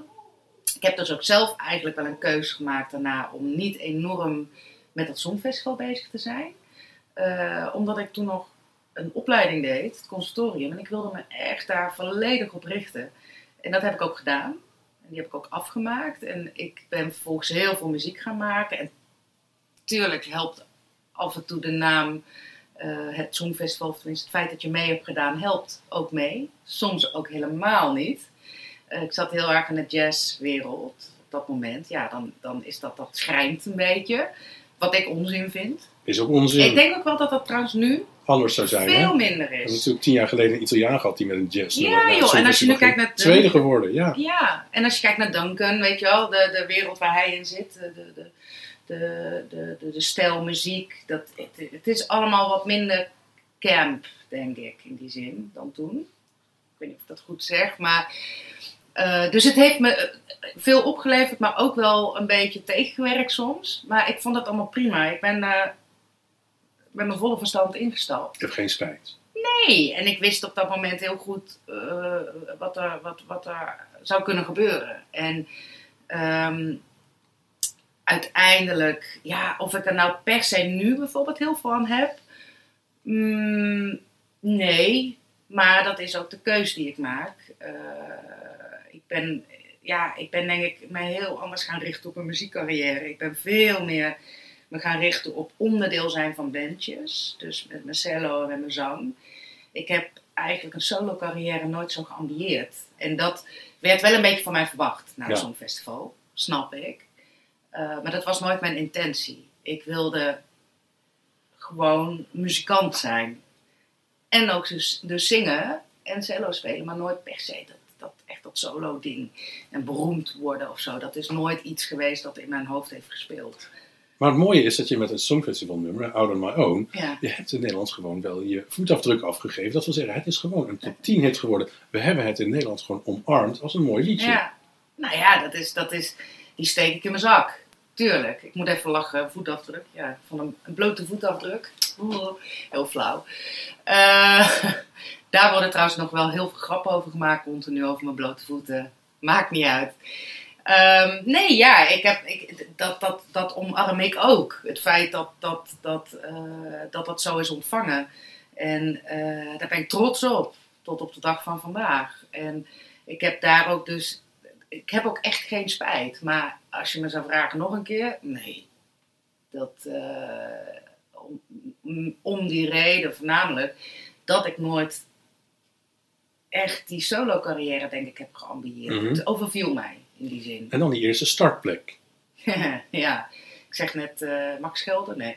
Ik zeg net tegen je, dat was natuurlijk voorkomen KUT, vond ik. ik eh, wij hoorden dat wij eh, als eerste moesten beginnen. Ik denk, ja, daar, daar, daar gaat hem niet worden met dit nummer. Dat was mijn gevoel in ieder geval. Heel veel mensen zeiden, nee, dat valt wel mee. Maar uiteindelijk, en echt, ik weet niet waar het dan heeft gelegen. Of dat het ding ook echt is geweest. Hè? Dat ik als eerste moest beginnen met dat liedje. Maar ik denk niet dat het mee heeft geholpen. En ik weet ook niet of het liedje op dat moment eh, het, het, ja, misschien was ik of mijn tijd een beetje vooruit of de tijd een beetje of verlaat. Ik weet het niet zo goed. Ik paste misschien net niet helemaal in de, in, in de tijdsgeest van die muziek op dat moment. Maar die, ja, die plek vond ik niet leuk. Ik vond het wel echt jammer. Sommige mensen hadden zoiets van, ja, maar je mag openen. Ik denk, ja, zet mij in het midden of zo ergens. Dat is ook minder spannend. Ik vond het echt ook wel heel eng hoor, om te openen. Ja, Ja, de zenuwen hadden... ja nou ja, het is, het is, ja, je hebt niet even de tijd om erin te komen. En het is nogal een, eh, een happening hoor. Jongen, jongen. Hey, we zijn twintig jaar verder. ja. Doe je, doe je nog wat in de muziek? Oh, wat erg. ik schrik daar dus zo van, als mensen dat zeggen. 20 jaar. Ja, ik ben oud aan het. Eh, ja, zeker. Ik, ehm, ik, ik ben eigenlijk het afgelopen half jaar hartstikke actief geweest. En eh, tegen alle verwachtingen van mezelf in. Want ik ging eh, een, een nieuwe studie doen. En eh, ehm, nou, ik gaf zangles. En ik had een hele leuke leerling, of heb een hele leuke leerling, die eh, met wat liedjes aankwam. En daar gingen we aan werken. En uiteindelijk is daar zonder eigenlijk een afspraak van tevoren over te maken, is daar een heel album uit ontstaan. Eh, hebben wij hier bij mij thuis opgenomen. Ik heb alles met hem opgenomen, zijn zang. Eh, ik heb piano gespeeld, ik heb cello ingespeeld. En daar is ineens gewoon een album. En dat wordt nu bij Tom Snijders in de studio gemixt en gemasterd. Er komen nog wat mooie instrumenten bij. En nou ja, ik ga weer een album uitbrengen. Dat, is, dat, dat had ik echt niet verwacht. En hoe lang moeten we nog wachten op zo'n album? Nou, eh, nou, ik zal vertellen even over het album, want dat is misschien wel leuk. Ehm, het is een album met liedjes van Benny Nijman. En het is eigenlijk een eerbetoon. Eh, eh, ik moet even spieken, maar Benny zou 9 juni 70 worden. Dus wij gaan op 9 juni een album uitbrengen met hele mooie eh, liedjes van Benny. eh, met een paar hits er natuurlijk bij. Hè? Waarom fluister ik je naam nog? Vrijgezel. Ehm wij hebben eigenlijk al die liedjes in een eigen jasje gestoken. Dus ja, ze zijn te herkennen. Maar ze zijn ook compleet anders. Sommige liedjes zijn ineens een lief klein mooi walsje geworden. Met een heel cello-orkestje. Ja, zo deed Benny het zelf ook, hè? Ja, dus eh, ja, want Benny, voor de, voor de luisteraars, eh, zong veel covers ook Ja, weer. en bracht daar een eigen sausje overheen. Nou, en wij hebben dat weer eigenlijk gedaan, maar vanuit liefde naar Benny. Ik ben ook echt gaan houden van zijn muziek. In het begin kwam hij bij me en ik denk, oh, Benny? Ik denk, jeetje, Nina. Eh, En niet per se hè, meteen de hak in het zand, want ik, ik, kan, ik sta graag echt open voor alle muziek. Toen ben ik gaan luisteren en dacht ik, jeetje, dit is gewoon hartstikke goed. Mooie dingen. Hartstikke mooi. En wij zijn dus zelf eh, daarmee aan de slag gegaan. Ehm, eh, de naam van die leerling van mij, nou eigenlijk inmiddels is het gewoon een hartstikke goede vriend geworden. Dat is Remco, Remco van der Weert. Ehm, een ontzettende liefhebber van Lisbeth List en eh, Benny Nijman. En eh, nou ja, wij, wij hebben dit project helemaal omarmd met z'n tweeën. En eh, we hebben ook een single eh, gemaakt, een, een, een duet. tussen Remco, van, van Remco en mij. Ja. En dat is het liedje Verder valt het wel mee van Bonnie Sinclair en Benny. Daar moest ik ook even, heb ik even, zeg maar, echt de tijd voor moeten nemen om dat nummer echt ja, te gaan snappen en te gaan voelen. En nou, ik ben zo trots eigenlijk wat we daarvan hebben gemaakt. Ehm, die single komt waarschijnlijk rond mei uit. Misschien wel op de dag dat ik meedeed aan het Eurovisie Songfestival. Jij weet misschien dat je hoofd ook wel welke datum Ja, het dat was. was eh, volgens mij zaterdag, 12 mei. Ja, ja, 2001. Ehm, maar dat, dat, nou, dat, eh, dat gaan we nog allemaal de wereld in eh, brengen. Maar ik ben, ik ben echt hartstikke trots hierop. Eh, Ton Snijders hebben we bereid gevonden eh, om het dus te mixen en, te, en, en, en, en nog meerdere instrumenten toe te gaan voegen. Nou ja, voor de eh, liefhebbers. Tom Snijders is natuurlijk geen onbekende in, het Nederlandse, in, de, in de Nederlandse muziekwereld. Ja, daar ben ik hartstikke trots op. Ja. Heeft natuurlijk ook met Lisbeth gewerkt. Met Frank Boeien. Frank Ja. Boeien. Ehm, en is hartstikke enthousiast. En nou ja, ik, het, is, het, is, het is eigenlijk nog een beetje onwerkelijk voor me. Ik had het echt niet meer verwacht. Helemaal niet. Omdat het, het was niet mijn insteek. En ineens is het daar. En dan is het echt geboren uit passie. En daar, dat is eigenlijk waar ik altijd naar heb gestreefd. Be- betekent dit dat muziek gewoon nog steeds je volledige leven bepaalt? Nee, dat niet. Ik, eh, eigenlijk is het een soort van ik, ik, eh, erbij. Eh, ik zal uitleggen. Ik ben een jaar geleden heb ik nou iets langer dan een jaar geleden, nog voor de coronacrisis eigenlijk hier uitbrak, heb ik de beslissing gemaakt om mijn hele leven om te gooien. Ik eh, ben de zorg ingegaan. Ik, eh, ik wilde dat al heel lang. Speelde in mijn achterhoofd. En ik dacht, ja, ik word bijna 40. Als ik iets wil gaan veranderen, misschien is dat nu wel het moment. En eh, het is geen midlife crisis geweest, want ik ben heel gelukkig. Eh, het is echt de juiste beslissing geweest. Ik eh, heb die beslissing gemaakt. Ik ben het gaan doen. Ik ben gaan een, studie begonnen, verpleegkunde. En nou, tot op de dag van vandaag ben ik, ben ik gelukkig daarmee. En mijn idee was ook, nou oké, ik blijf daarnaast gewoon wel een beetje lesgeven of wat muziek maken. Vooral eigenlijk weer die hobby terugvinden. Die was ik wel een beetje kwijt, de hobby muziek. Ja. En dat begon een beetje met mijn eh, vriendin. Eh, zij ehm, eh, zingt hartstikke mooi en ehm, ook voor de hobby. En toen zijn we samen muziek gaan maken, filmpjes gaan opnemen, posten ik ook lekker. Nou, dat was zo'n ontwapenende ja, gebeurtenis eigenlijk voor mij. Van, oh wauw, ik, ik ben weer echt gewoon aan het genieten. En niet dat ik het niet meer fijn vond, maar het was echt heel veel. Ging het om, heb ik genoeg werk de komende tijd? Eh, onderhandelen voor geld. En ik heb prachtige projecten gedaan. Met, eh, zoals mensen misschien weten heb ik met Sjors mogen toeren, Sjors van de Pannen. Eh, nou, daar heb ik ook geen seconde spijt van gehad. Het was prachtig. Ik heb met Margriet Sjoerdsma getoerd, Odilion. Met ehm La Pat nog een mooie tour mogen doen. Dus helemaal niet de nadelen van die mooie, prachtige dingen die ik heb mogen doen. Maar het was wel all about the work. Van, ja, het is je bestaan. En ik heb nu wel echt die essentie weer terug mogen vinden. En eh, dit met Remco was gewoon een heel bijzonder proces. Want het begon dus echt met dat ik hem wat lesjes gaf. En hij zei, goh, vind je het leuk om eh, dit liedje... Zullen we dat even opnemen voor de YouTube? Ja, is goed, doen we. Ja, vind je het leuk om daar cello bij te spelen? Ik zeg, tuurlijk, vind ik gezellig. Speel ik ook weer een cello. Ja, misschien eh, die andere liedjes ook wel met cello. Misschien moeten we gewoon een album maken. Nou, en dat was er ineens. En daar zat geen druk op. Gewoon nul. Leuk, ik ben heel erg nieuwsgierig. Ik denk Ja. mijn luisteraars ook. Dankjewel in ieder geval voor dit gesprek voor nu. Ja, Michelle Koertens. eh, weer terug op het muzikale pad. Maakt me heel nieuwsgierig, want de liedjes van Benny Nijman vind ik heel fijn.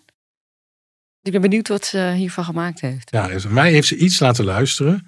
En eh, dat, dat nummer, waarom fluister ik je naam nog? Dat, eh, dat, die Remco heeft een hele bijzondere stem. Het is echt, het is echt mooi. Het is echt mooi gedaan. Leuk, Benny Nijman. Ja. Schattenbout. Ah. Je hebt hem nog goed gekend, hè? Ja, ja, ja, ja. Lieverd, heel lief. Dat die ma- man zo jong is overleden. Jammer hoor. Mooie man. Schatje. Een, een vraag die ik aan Michelle stelde en nu ook aan jou ga stellen is... Wat heeft dat Songfestival nou opgebracht voor je? Ja, daar heb ik ook wel eens over nagedacht. Nou, het was, het was na het Songfestival wilde ik gewoon mijn eigen shows gaan doen. En eh, eh, ik wilde theater in. En eh, niet met een bandje onder mijn arm overal de malle molen gaan zingen. Ik weet niet of het met het. Ik denk niet dat het met het Songfestival te maken heeft gehad. Ik ben wel heel veel gaan reizen. na het Songfestival, Indonesië, nou ja, noem alles maar op. Maar toen ben ik toneel gaan spelen. En, eh, en eh, ik ben begonnen bij de Appel in Den Haag. Eh, en dat heeft me veel opgeleverd. Maar ik denk niet dat dat met het Songfestival te maken heeft gehad. Ik heb gewoon ontzettend veel allerlei verschillende dingen mogen doen in mijn hele carrière. Van toneel tot musical tot. En het Eurovisie heeft mij zo. Mijn naamsbekendheid. Dat eh, de oudere mensen, want de jongeren zeggen. eh, mijn moeder zegt of mijn oma zegt. dat u het Eurovisie heeft gedaan. Dan zeg ik ja, kijk maar op YouTube. Gaan ze kijken. Dan zeggen ze. Oh, wat was u mooi. Ik zeg ja, heel hartelijk dank. Nu ben ik een oud wijf natuurlijk. Maar goed. eh, het, eh, ja, het, het, het, blijft leuk als mensen je op straat in de HEMA of in de weet ik veel zeggen. Maar u bent toch Hedy Lester? Zeg ik, ja. Oh, wat leuk. En dan, dan beginnen ze meteen te zingen. Dus dat, dat heeft het opgeleverd. Ook. En elk, en jaar in mei krijg je wat belletjes. Eh, ja, ja, altijd de krant en eh, weet ik veel. Ja, af en toe. en het wordt ook minder. Want ja, eh, het, het- ja, het is nu, het is zo lang geleden nu. En, en, eh, en de jongeren zijn gewoon aan de beurt. En terecht, terecht.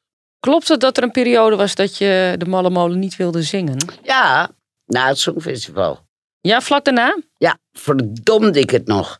Waarom? En- ja, omdat ik had, ik had iets van, ja zeg, ik kan nog wel wat meer dan dus alleen dat Songfestivallied. En mijn, onze stommiteit is ook geweest dat we een, eh, een album maakten. En toen zei ik, ja, maar het, Eurovi- eh, het Malle Molen hoeft er toch niet op. Nou, wie kan nou zo stom zijn? We hadden natuurlijk ook de Malle Molen erop moeten zetten. Nou, dat heeft ons heel veel eh platenverkoop Maar waarom wilde je het dan niet opzetten? Omdat Nou, ik een vond... soort tegenreactie? Of Ja, nee, het- ik, ik vond het een prachtig lied, daar niet van. Maar ik dacht, nou, nou weten ze dat wel. Ze moeten nu toch ook wat anders van me horen? Of we, nou, je kan ook, het kan ook naast elkaar natuurlijk. ja, maar, Ja. Zo, maar ik heb nooit zo commercieel gedacht. En wij eigenlijk allemaal niet. Wij waren geen eh, commerciële mensen. Wij waren theaterdieren. Ik kwam bij Ramses terecht, ja. Eh, Ramses Shaffi. Was ja. Shaffi, Ja. ja. Maar dat was niet door het Songfestival. Dat was gewoon omdat hij mij prachtig vond zingen. Ja. En, en me leuk vond. En daar heb ik eh, wel heel veel plezier eh, gehad met, met Shaffi. En wanneer dacht je, nu kan ik de Malle Molen wel weer zingen? Ja, nou, een aantal jaren geleden eigenlijk. Wat heeft je toen overgehaald dat je dacht, ah, Omdat iedereen maar altijd vroeg... Hedy, zing je wel de malle molen? En op een gegeven moment kon ik er niet meer onderuit. En ik dacht, waarom doe je het nou niet gewoon weer? Wat een onzin. Doe het nou. En Ramse zei altijd tegen me... Hedy, blijf daarmee geconfronteerd. Want eh, ik moet altijd Sammy zingen. Ja. En eh, dit is jouw ding. En ik zing altijd Sammy. En Ja. dat is natuurlijk ook zo. Ja. Is Ja. het een goed antwoord? Ja, ik vind Voor jou? Oh. Ja, ik heb geen eh, Ja, maatstaf waar ik hem je- langs leg. Nee, je zit Ik- een ik- beetje verbijsterd. Nee, ik, wa- nee, ik was benieuwd. Ik was gewoon benieuwd. Ja, ik ik nee, wist dat je het niet wilde zingen. En ik was gewoon benieuwd hoe dat zat. Nee, je bent wel gelijk. Ja, Terug naar het Songfestival. en we gaan even een blik werpen op de bookmakers. daar gaan we weer. Daar gaan, Daar gaan we we weer. De Ja. snelle Ja. blik. Op nummer 1 Malta, nummer 2 Frankrijk, nummer 3 Zwitserland, nummer 4 Italië, nummer 5 Bulgarije en nummer 6 Zweden. En dan België op een 18e, 18e plek bij de bookmakers en Nederland op een 35e. Ah, dat is nou ook niet aardig hoor. 35ste Blazem jongen. Ja, dat is niet leuk. Dat is niet leuk. Maar, Dus- hem, maar het kan hem niet veel schelen, denk ik. Nee, maar ik vind ook als artiest moet je daar ook niet van de kijken. Dan moet je ook helemaal niet zijn. afgeleid, denk ik. Precies. En die stand bij de boekmakers gaat natuurlijk wel veranderen als vanaf zaterdagochtend 8 mei de repetities in Ahoy gaan beginnen. Want dan, dan gebeurt er altijd iets. eh. Duncan, nog heel even snel. Vorige week eh, zeiden we dat Duncan Lawrence met zijn liedje Arcade, waarmee hij twee jaar geleden het Eurovisie Songfestival won, binnenkwam in de Billboard Hot 100. Nou, dat is een sensatie. Op nummer 100 kwam hij binnen. En er weer uit. En hij is er nu weer uit. Nou, hij kan wel zeggen dat hij erin heeft Nou, en gestaan. op zeg, dat is toch ook een, eh, geweldig dat je in de Billboard Hot 100 hebt gestaan. Ja. En nog één eh, een klein nieuwtje. We nemen dit op als net de nacht van de Oscars eh, achter de rug is. Ja. Het lied eh Husavik heeft het helaas, eh, is het helaas niet geworden. Hè? Nee, Husavik is, eh, zat in de Songfestivalfilm van Netflix vorig jaar. En was genomineerd. Hij was genomineerd voor een Oscar, maar Heb je het optreden gezien? ja, dat was fantastisch. Ik zag, eh, het was ook een IJsland in Husavik opgenomen, begreep ik. En het allemaal een soort half kinderkoor, allemaal IJslandse truien. Heel schattig. Ja. Van die wollen truitjes allemaal. Is aan, ja. En vlechtjes in hun haar, Ja. weet ik wat. Ja. En het optreden was heel leuk. Ja. was echt heel leuk. Aanrader om even terug te kijken. Precies, elke week bespreken we vijf inzendingen in Songfestival Koorts. En dat doen we alfabetisch. We zijn begonnen vier weken geleden met de A-land Albanië, Azerbeidzjan, Australië. En inmiddels zijn we aangekomen bij de O. En de O is van Oekraïne. En Oekraïne eh, stuurt. Oh, oh. Oekraïne stuurt eh, Goa, een, eh, een, eh, een groep, met het liedje Shum. En Oekraïne doet voor de zestiende keer mee dit jaar. En eigenlijk een ongelooflijk succesvol land. En al die, in die korte tijd heeft het, het Songfestival al twee keer gewonnen. En misschien ook nog wel een dingetje. Het land is nog nooit uitgeschakeld tijdens een halve finale. Nou, dus dat belooft wat. Oekraïne moet aantreden in de eerste halve finale. En ze sturen dus een electro-folkband. En het nummer, dat, dat zoomt dat ook van de week ineens op in de top 30 van de iTunes in India. Je hoe daar terecht is gekomen, geen idee. Maar eh, daar, daar zijn ze dol op, dat lied eventjes. Eh, laten we even een stukje luisteren. Die luister hier mee naar de inzending van Oekraïne.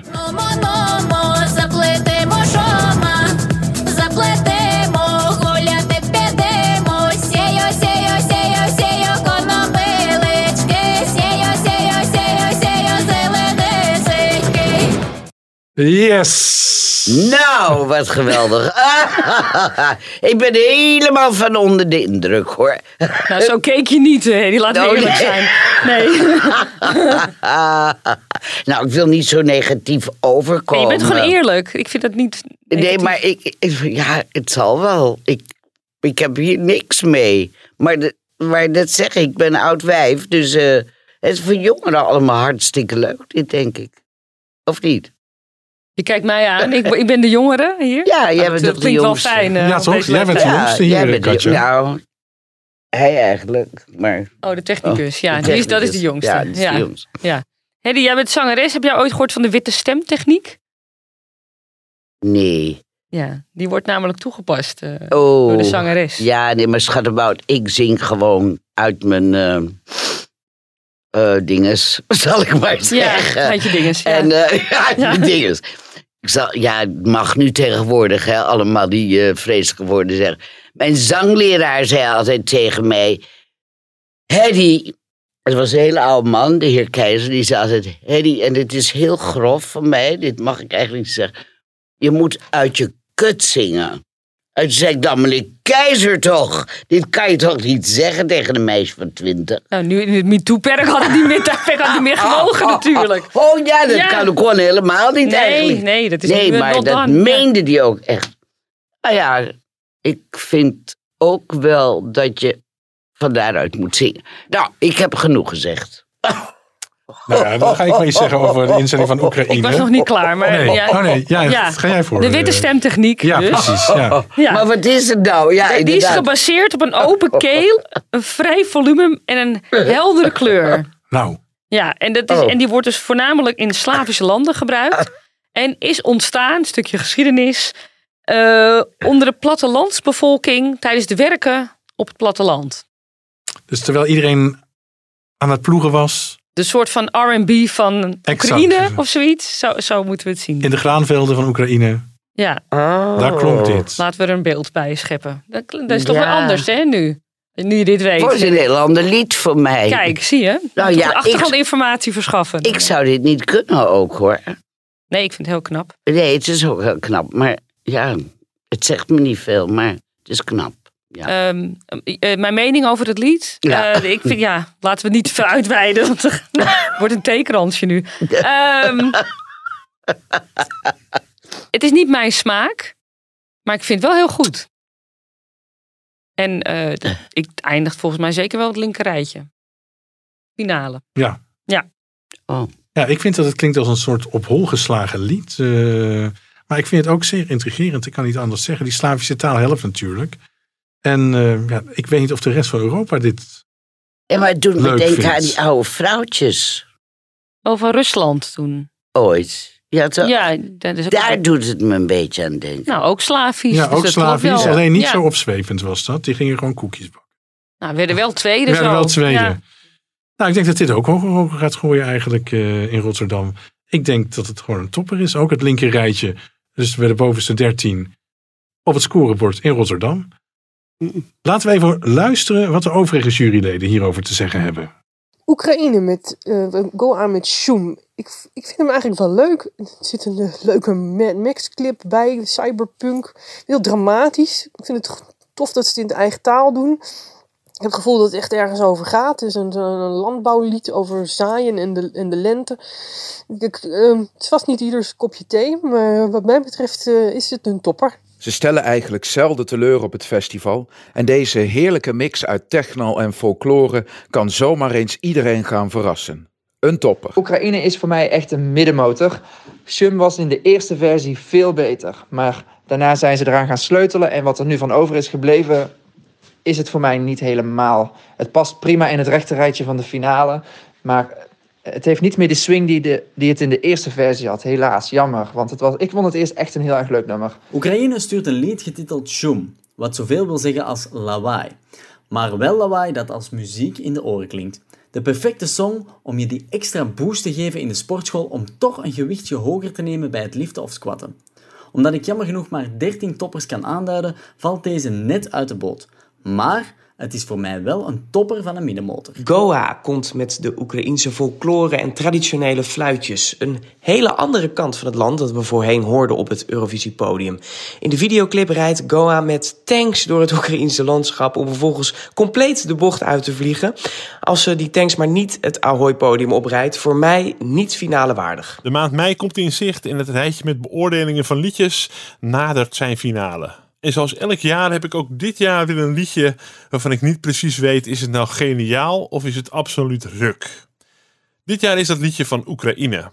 Een dame met neusbeugel doet Mad Max in de sneeuw. Mad Max, toch een van de vetste actiefilms van deze eeuw tot nu toe. En qua zang lijkt het een beetje op een nummer van Polen, waarmee ze een paar jaar geleden meededen aan het Eurovisie Songfestival. Aangevuld met het aparte fluitje, maar wel de lekkere beat, is het iets wat ik totaal niet echt kon beoordelen. En eh, het enige liedje waar ik een vraagteken bij heb staan. Toen ik mijn rooster ging invullen met liedjes, heb ik het maar op niet-finale waarde gezet. Maar het kan net zo goed wel finale waardig zijn. Maar vooralsnog krijgt het dus even geen punten. Eh, de eerste is Oekraïne, dat is nog een van de beteren. Dat is een vrij experimenteel nummer, wat vrij veel... Ja, ik vind het eigenlijk best wel een zeurnummer, maar ik denk dat het voor de variatie wel de finale haalt. Ja, dat was het oordeel van onze juryleden in het land. Eh, we zijn niet heel erg bijster positief. Nee, gevarieerd hè? Gevarieerde, Ja. ja. we denken er toch allemaal wat anders over. En dat is misschien ook precies wat dit, wat dit, nummer, eh, wat dit nummer uitstraalt. Oké, na de Oekraïne krijgen we Oostenrijk. We blijven bij de O, eh Hedy. En Oostenrijk stuurt een lied in en dat heet Amen. Tell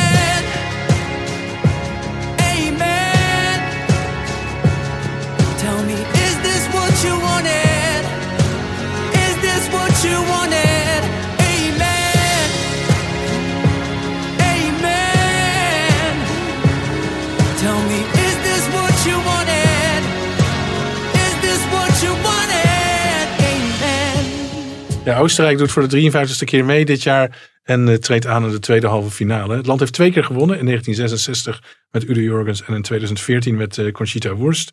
Van de laatste tien inzendingen werd zes keer de finale behaald. En de zanger die je hoorde heet eh, Vincent Bueno, 35 jaar, musicalartiest in het land. En was vier jaar geleden een van de achtergrondzangers van de Oostenrijkse inzending. Landen die Oostenrijk gunstig gezind zijn, wat punten betreft, zijn België, Verenigd Koninkrijk, Ierland en Zweden. En het is jammer voor Oostenrijk, want alleen Verenigd Koninkrijk stemt mee in die tweede halve finale. Katja, Nou, hij, hij heeft het wel, die jongen. Ik bedoel, het nummer is niet bijster bijzonder. Maar ik heb nu ook weer dat optreden gezien eh, van die thuisconcerten. Wat, eh, de, de, de pre-concert uit Madrid. ja, dat werd maar. goed ontvangen. Ja, en ik dacht, ja, hij geeft wel jeu aan. En dat kan hem volgens mij wel hoog brengen. Dus ik heb, ik hem, eh, ja, ik heb hem bij de, in het linker rijtje gezet van de finale. Ja, ik ook. Op het eerste gehoor al meteen. Hè? Nou, Ja, het ja. is wat. Ja. Ja, dat vind ik ook. Mooie stem. Ja, deze jongen kan zingen, hè? Maar ja, ik vind dat niet te druk. Nul spanning zit erin. Heel standaard, voorspelbaar, gedateerd. Gedateerd? Ja. Ja. ik vind het absoluut geen finale plek waard. Ik ben echt blij als het afgelopen is. Het doet me echt niets. Doorspoelen alsjeblieft. Hey, die kijkt heel verbaasd. Dus wat mij betreft Ja. een niet finale waardig. Nou, Richard. Keihard Zo. is hij. Keihard. Ja. Zullen we gaan luisteren wat er Nummer over... 35. Zoiets denk ik, ja. Ja. 36 landen. Jacques Oh, staat op 36 landen? Oh, Ja. sorry hoor. 39 landen. Oh, 39. Oh. Zullen we luisteren wat de overige juryleden ervan denken? Oostenrijk. Eh, Vincent Bueno met Amen. Ik vind het niks. Ik vind het te Engels. Ik vind het geen aankleding. Ik vind het voorspelbaar. Ik vind het een flopper. Niet finale waardig. Amen of schamen? Wat gaat het katholieke Oostenrijk doen met het resultaat van de zanger die hoopt op zijn knieën de finale te bereiken? Oostenrijk is voor mij ook een middenmotor. Emen zal prima passen aan het, bij de laatste vijf plaatsen van de finale. Maar het, ja, het doet me vrij weinig. Ik, ik vind het wel een leuke zanger en, en het is fijn om naar te luisteren, maar het heeft niet echt inhoud wat mij betreft. En ik snap ook niet zo goed zijn metafoor met, met, met een begrafenis en, en een ver- verloren liefde. Nee, voor mij is dit het niet. En can I get an amen? Want oeh, ik moet toegeven, Vincent Bueno ziet er ook dit jaar weer verschrikkelijk bueno uit. Ook zijn song Amen klinkt bueno, maar dan gewoon bueno. En niet meer bueno dan bueno. Snap je? Een bueno middenmotor met andere woorden. Oostenrijk slaat met de power ballad Amen een totaal andere kant op dan de inzending van vorig jaar. In Alive vierde Vincent Bueno nog het leven. Ik moet altijd aan die chocola denken als ik zijn achternaam hoor. Nu gaat zijn lied over het eindigen van een relatie en vergelijkt hij deze met een begrafenis. Het gevoel alsof je begraven wordt. Nou, een sfeertje dit jaar. Het kan wel opvallen tegenover de talloze uptempo songs die we dit jaar hebben in Rotterdam. Ik zeg rechter Elke seconde die ik aan het druilnummer van Oostenrijk besteed, is er eentje te veel. Zonde van mijn tijd. Die tijd vul ik liever in met een mooi gedicht van Herman de Koning met dezelfde strekking, maar dan wel mooi.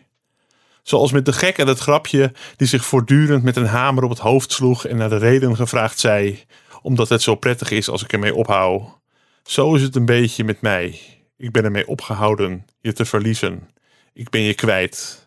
Misschien is dat geluk, een geluk bij een ongeluk. Misschien is geluk nog een geluk dat, dat ik aan jou kan terugdenken bijvoorbeeld, in plaats van aan een ander. En Oostenrijk, blijf maar lekker thuis. We hebben Oostenrijk. Vind ik vooral heel erg saai. Ja, ik ben er eigenlijk niet heel erg veel aan toe te voegen. Nou, dat was eh, het Het verdict. belooft niet veel goeds voor Oostenrijk, hè? Ja. Nee, in totaal Nee. acht punten is niet zoveel, eh, moet ik eerlijk zeggen. Nee. Nee. Maar ja, je weet niet wat de rest van Europa heeft. Precies, dat is helemaal waar. eh. Dan gaan we door met eh, Polen. Zij sturen hè, de 39-jarige zanger Rafał. Die was vorig jaar nog eh, presentator van het Junior Songfestival. Toen het in Warschau werd gehouden. En toen ineens ging die zingen. Ja, toen ineens ging- Nou, nee, dat is niet Hij waar. deed het Want allebei al. Vier, vier jaar geleden probeerde hij al Polen te vertegenwoordigen. En deed toen mee aan de nationale finale in het land. En ook deed hij al mee in de Voice of Holland. En, eh, Poland, denk ik. De, ja, de Voice of Poland. Ja, Ja. ik moet het niet hetzelfde hebben als bij het Songfestival in 1996. Dat Polen en Nederland door elkaar worden gehaald. Precies, ja. Ehm, nou, intern werd hij geselecteerd, eh, deze, deze Rafal. Hij heeft een eh, batterij aan Zweedse componisten aan het werk gezet. En die hebben het liedje The Ride eh, geschreven. Het is de 23e keer dat Polen meedoet. geen goede staat van dienst. Het is echt een slecht presterend land op het Songfestival. Van de laatste tien keer bleef de helft hangen in de halve finale. En slechts één keer werd de top 10 behaald. Laten we even een stukje luisteren naar The Ride.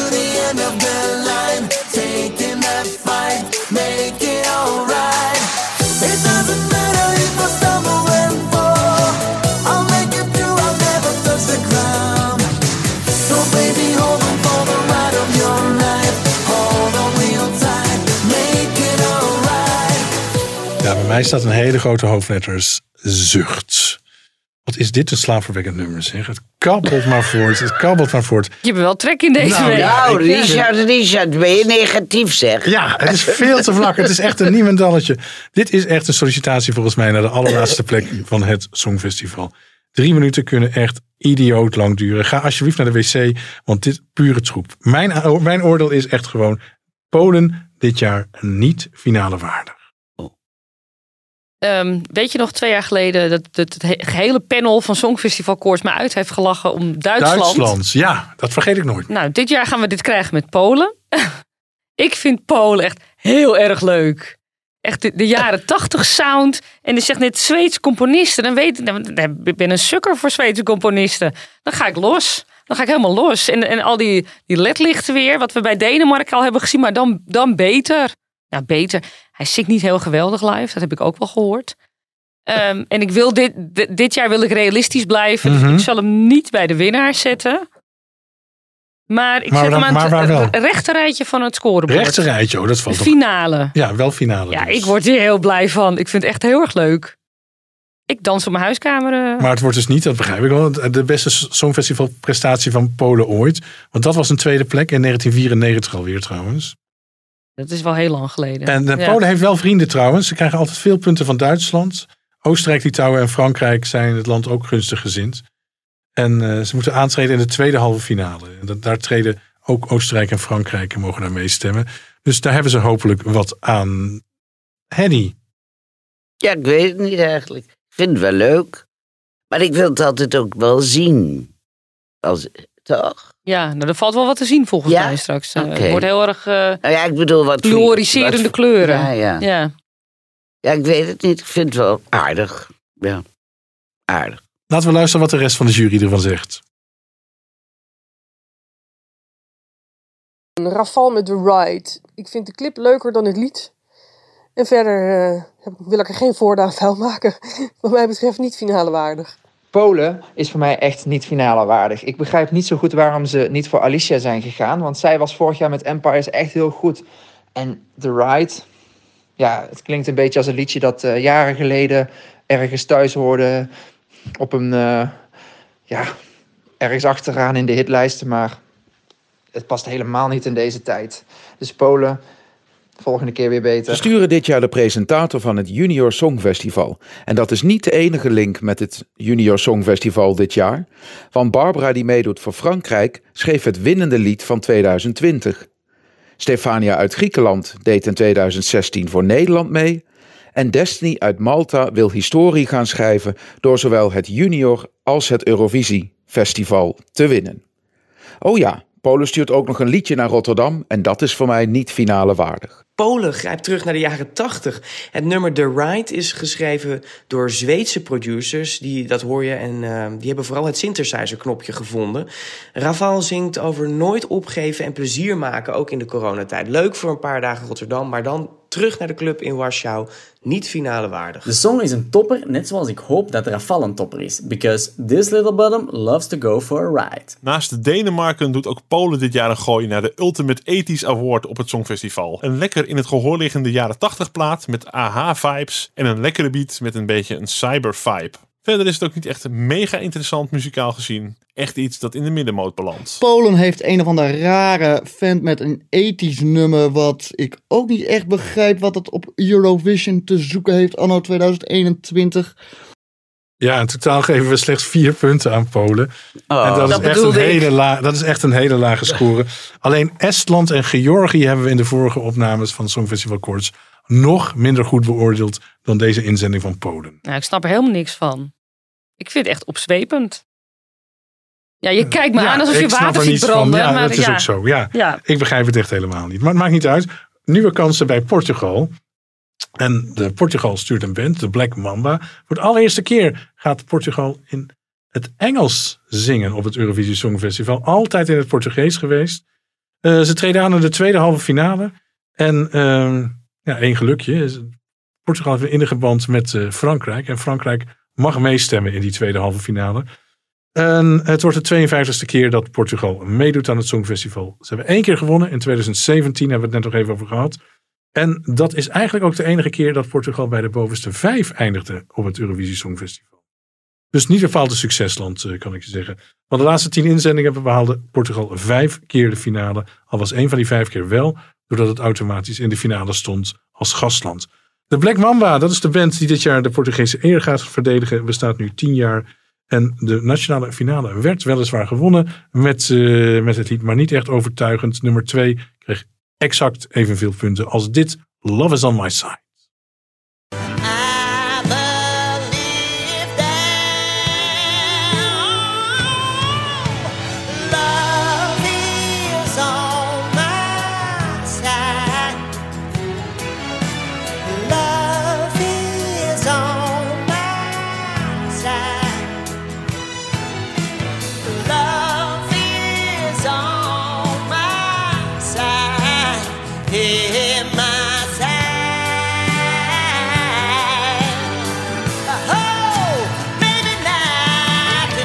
Ja, Portugal, Hedy. Je, je vroeg terwijl we aan het luisteren waren, is het een man?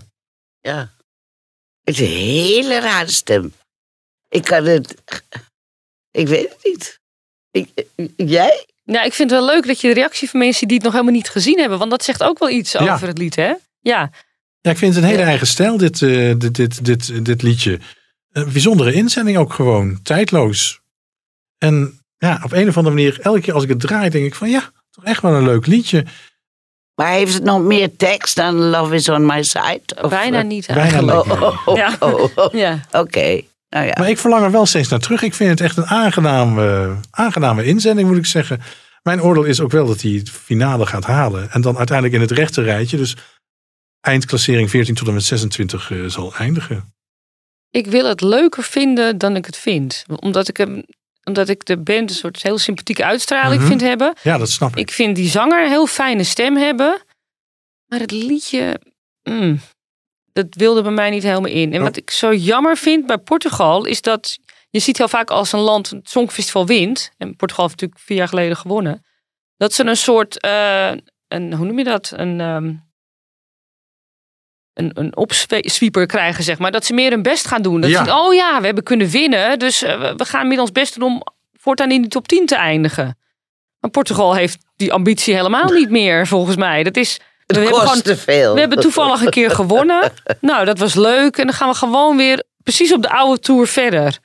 Het, een soort van, het lijkt wel alsof hun bescheidenheid te veel parten speelt Mhm. of zo. Want er zit volgens mij echt veel meer in. Er wordt prachtige muziek gemaakt in Portugal. Ja, Ja. Eh, ik denk dat het de finale niet gaat halen. oké. Wat denken onze andere juryleden eigenlijk? Wauw, deze vind ik echt heel erg mooi. Goede stem, mooie uitvoering. Ik zat er net weer naar te luisteren en ik kreeg alweer een paar traantjes in mijn ogen. Maar ja, ik ben natuurlijk nu ook een beetje emotioneel. Wat mij betreft, eh, absoluut een topper. En, het is dat ik mijn top 3 al eh, vol heb gezet. Anders dan had ik hem zelfs in de top 3 gezet. Portugal is voor mij ook niet finale waardig. En ik begrijp ook gewoon niet zo goed waarom Portugal afstapt van hun traditie. Zij doen altijd alles in Portugees en nu een liedje in het Engels. En die artiest, de Black Mamba, ik, oh, zijn stem, ik irriteer me er mateloos aan. Dit is echt verschrikkelijk. Echt verschrikkelijk. Ja, dit mag voor mij niet de finale halen. Het lied raakt een snaar. Enkel die van een gitaar of ook die van de ziel. Ik ben er nog niet helemaal uit, dus een middenmotor. Portugal brengt misschien wel het minst begrepen lied van het Songfestival dit jaar. Ik kreeg eerst een Salvador Sobral erlevenis met de stem van Pedro Tatanka. De Black Mamba eh, breekt ook met de Portugese traditie om niet of helemaal niet in de eigen taal te zingen. En haalde de inspiratie uit Amsterdam op de Wallen. Daar ontmoetten ze een vrouw die aan de drugs en in de prostitutie terecht eh, was gekomen. Nou, dat vind je alleen totaal niet terug in dit nummer. Ik zeg niet finale waardig. Portugal stuurt de Black Mamba met Love is on my side. En dat kan kloppen, want pech in het spel is geluk in de liefde. En als ik hun nummer zo hoor, moet de band wel heel veel geluk hebben in de liefde. Vlak na de Portugese finale zag ik het liedje dat het land mag vertegenwoordigen in Rotterdam. Love is on my side is een opvallend prettig en lief lied. De zanger heeft een toffe stem met een beetje een country randje en hij benut deze stem fantastisch. Voor mij is deze outsider echt een kanshebber die gaat groeien tijdens het festival. Ik zet Portugal in het linker rijtje. Ja, Portugal. Ja, die vind ik eigenlijk ook heel saai. Nou, Portugal. Eigenlijk ook heel saai, jongens. Eh, nou, Kort maar krachtig. We hebben wordt een leuk avondje. Zeven punten bij elkaar, dus ook niet veel. We hebben niet veel voor Portugal over. eh. Mm. Als de laatste inzending die we vandaag even beluisteren en gaan bespreken is Roemenië. Dat gaat dit jaar voor de 21ste keer meedoen aan het Songfestival. Tweemaal de derde plek behaald. Dat is de beste prestatie tot nu toe. Ehm, behoorlijk succesvol eigenlijk, want van de laatste tien inzendingen wist het land acht keer de finale te halen. Dat is echt wel, eh, wel veel. En de 21-jarige zangeres Roxanne moet dat dit jaar weer gaan eh, proberen. Ehm, het mag geen verrassing zijn hè, dat Moldavië gebruikelijk de meeste punten geeft aan Roemenië. Dus met wat geluk moet eh, Moldavië in dezelfde halve finale eh, zitten. Andere landen van wie Roemenië het moet hebben zijn Spanje, Israël, Portugal en Cyprus. En ik zie hier nu ineens dat dat land eh, Cyprus en Israël staan beide in dezelfde eerste halve finale als Roemenië. Dus dat kan wat geluk opleveren. Laten we even luisteren naar het liedje Amnesia. I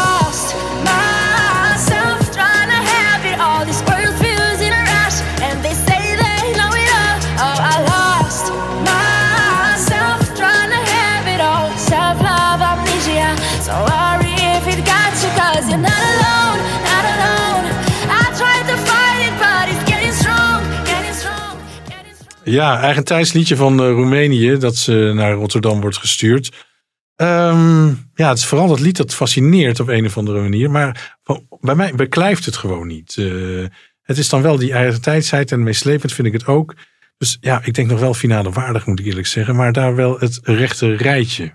Wat denk jij Katja? Ja, we zijn het zo waar bijna met elkaar eens. Nee, dat gebeurt eigenlijk nooit. Nee, gelukkig niet. Maar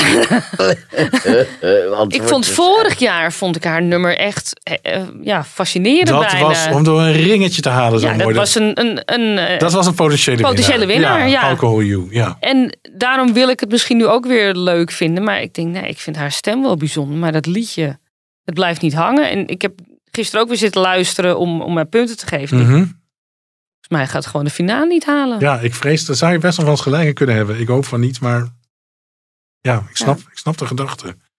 Wat denk jij, Hedy? Je kijkt... Bedenkelijk. Ik heb, ik heb geen idee wat ik hiervan moet vinden. Nou, laten we dan maar even gaan luisteren naar teken. onze overige juryleden.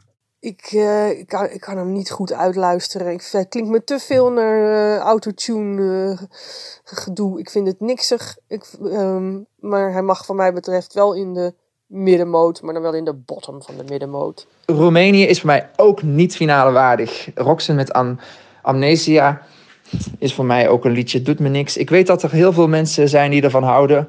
Maar ja, wat mij betreft eh, is het meer voor Junior Songfestival of zo. Ik, ik weet het niet. Het, eh, het is het voor mij niet. Ik vraag me echt af waarom dit lied bij de boekmakers niet hoger staat dan het Valium-liedje van Victoria uit Bulgarije. Roxanne heeft een prachtige stem waarmee ze haar lied Amnesia allesbehalve vergeetachtig maakt.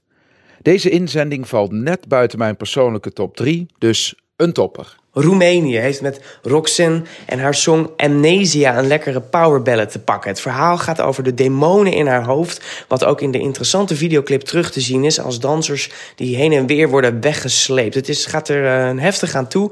Het zal druk worden op het podium. De song blijft overeind in de halve finale en komt dan denk ik in het rechte rijtje terecht. Ten slotte eindig ik vandaag met Roemenië, waarbij Roxen de song Amnesia brengt. En voor mij is dat de perfecte titel, aangezien ik de melodie maar niet kan onthouden. Niet finale waardig wat mij betreft. Roxanne met Amnesia is een nummer namens Roemenië dat in eerste instantie een beetje lijkt weg te sneeuwen in het grote aanbod van liedjes. Maar het is echt heel erg krachtig en het raakt me ook als een van de weinige liedjes eigenlijk op dit festival. Het zit ook vol met toffe muzikale twists, zoals het eh, verdraaien van de stem en de muziek. Het beeld in de clip is erg mooi en het benadrukt hoe je je kunt voelen. Het, het bedrukt worden, het, het naar beneden getrokken. Zoals gezegd, het raakt me en staat in mijn linker rijtje. En dan tot slot Roemenië. Die, eh, ja, die heet dan Amnesia, maar die, ja, van deze hoef ik die eigenlijk niet zo heel snel te vergeten. Die is het minst, eh, de minst erge van deze, omdat het nog wel enigszins Eurovision klinkt.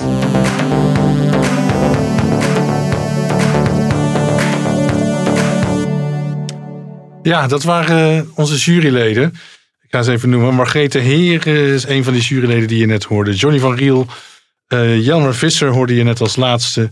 En voor de rest Edwin Kleijs, Margrethe Heer, Frank Otte en Jens Geerts. En bij elkaar geteld krijgt Roemenië van ons 10 punten. En dat vinden we toch na Oekraïne de beste inzending van deze vijf die we in deze uitzending van Songfestival Koorts hebben besproken. De score is niet heel erg hoog deze week. We hebben betere weken gehad, Katja. Ja, maar ja, dat, is, dat is het Songfestival. Dat Ja. hoort er toch bij. Je hebt goede liedjes en je hebt minder goede liedjes. Ja. En je hebt bagger. En zo hoort het ook eigenlijk. Gelukkig wel, ja. Hoe was dat in eh, 1977, Hedy? Je hebt goede liedjes. Nou, de Malle Molen natuurlijk. Het winnende lied uit Frankrijk, uiteraard ook. Was ook een mooi liedje. Ehm, groot verschil misschien. Dit jaar doen er 39 landen mee. Toen deden er 18 landen mee. Weet je dat ik dat helemaal niet meer weet? Ik weet dat echt niet meer. Wat daar stond aan mensen. Want je had ook bijna geen contact met elkaar. Heel Oh nee? Het was allemaal erg apart en erg, eh, ja, een beetje arrogant. En niet echt dat je zei van leuke, leuke mensen allemaal. Oh, wat leuk. ah, Nee, alles was heel erg op zichzelf gericht. En eh, het was niet, dat was er niet zo leuk aan. Nou, wat jammer. Je hoort namelijk vaak dat heel veel artiesten wel een leuke band met elkaar maar- krijgen op maar dat in Songfestival. 77 was iedereen bang voor elkaar. Ik Mhm. wil winnen, ik wil winnen. Want daar ga je natuurlijk voor. Dus het was een... Nee, en wij waren misschien ook wel op onszelf heel erg hoor, gericht. Eh, en het was niet zo'n... Het is niet zo'n waanzinnige toestand toen. Mhm. Begrijp je? Nu is het echt iedereen met elkaar en de weer. En, de, en, en, en we hadden de telefoons niet en chatten en weet ik wat er allemaal nu niet is. Dus ja, iedereen deed zijn ding en, en eh, wachtte in spanning af of wel of niet. Dat was het meer. Maar het is natuurlijk niet zo gek dat je alleen maar met jezelf bezig bent. Is Ja, nee, wat. en wij gingen dan Londen ook nog in. En, eh, en, en, en, en dan gingen we naar Gore's Line, eh, dat weet ik nog. En, en eh, dus wij waren daar ook niet zo mee. Alleen maar met, met het Songfestival bezig. We hadden ook nog en eten ergens, weet je.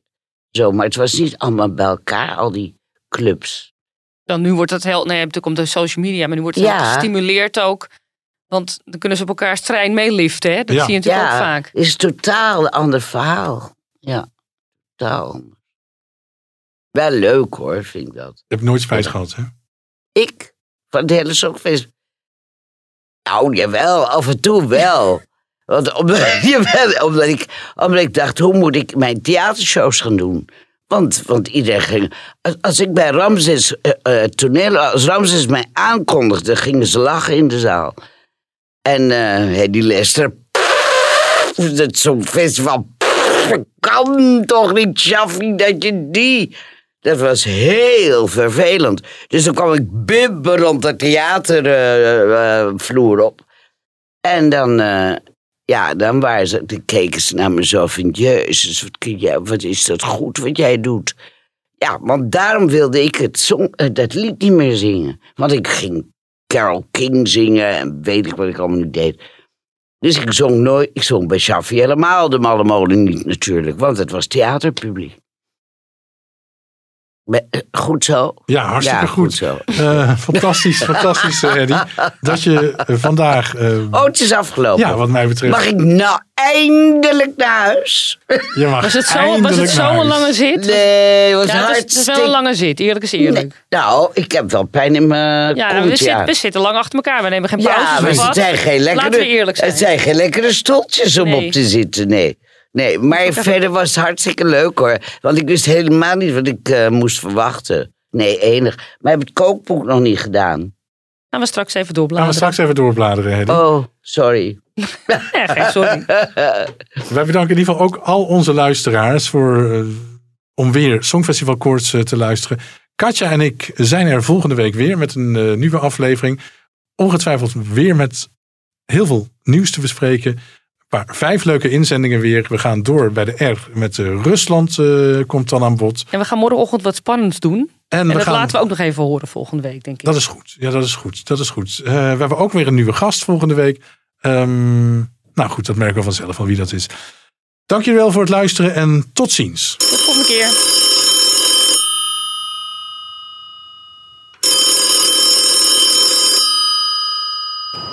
Dit is de voicemail van Songfestival Koorts.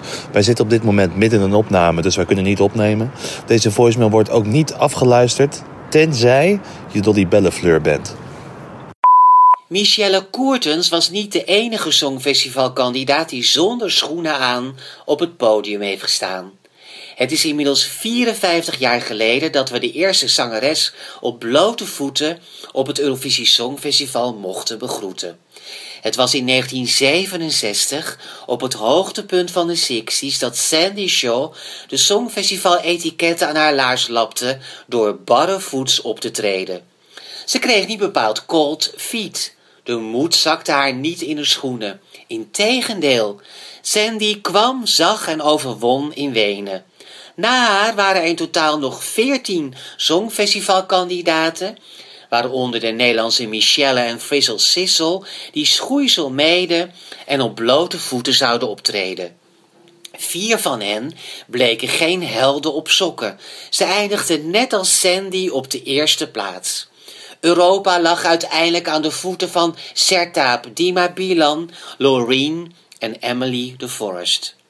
Er zijn zuurpruimen die graag beweren dat het Songfestival niets om het lijf heeft.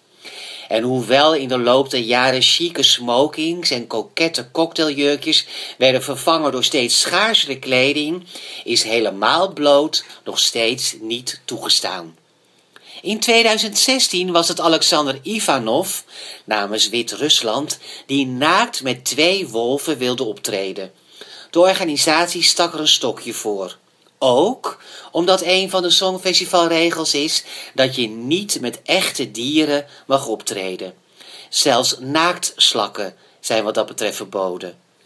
Waarschijnlijk was oud-winnaar Mans Selmeleu de eerste zanger die bijna geheel naakt op het Songfestivalpodium stond. Nadat Alexander Ivanov in 2016 werd afgekondigd, verscheen presentator Mans heel kort naakt in beeld, terwijl hij een speelgoedwolf voor zijn hele delen hield. Een jaar later zou trouwens een streaker het podium bestijgen en tijdens een optreden van Jamala zijn derrière tonen aan een miljoenen publiek. Zou een puppet in een string wel zijn toegestaan? Die heeft immers nog een piepklein kledingstuk aan. En ineens bedenk ik me, zou Hugo de Jonge een wit voetje halen door op een volgende persconferentie blootvoets ten tonele te verschijnen?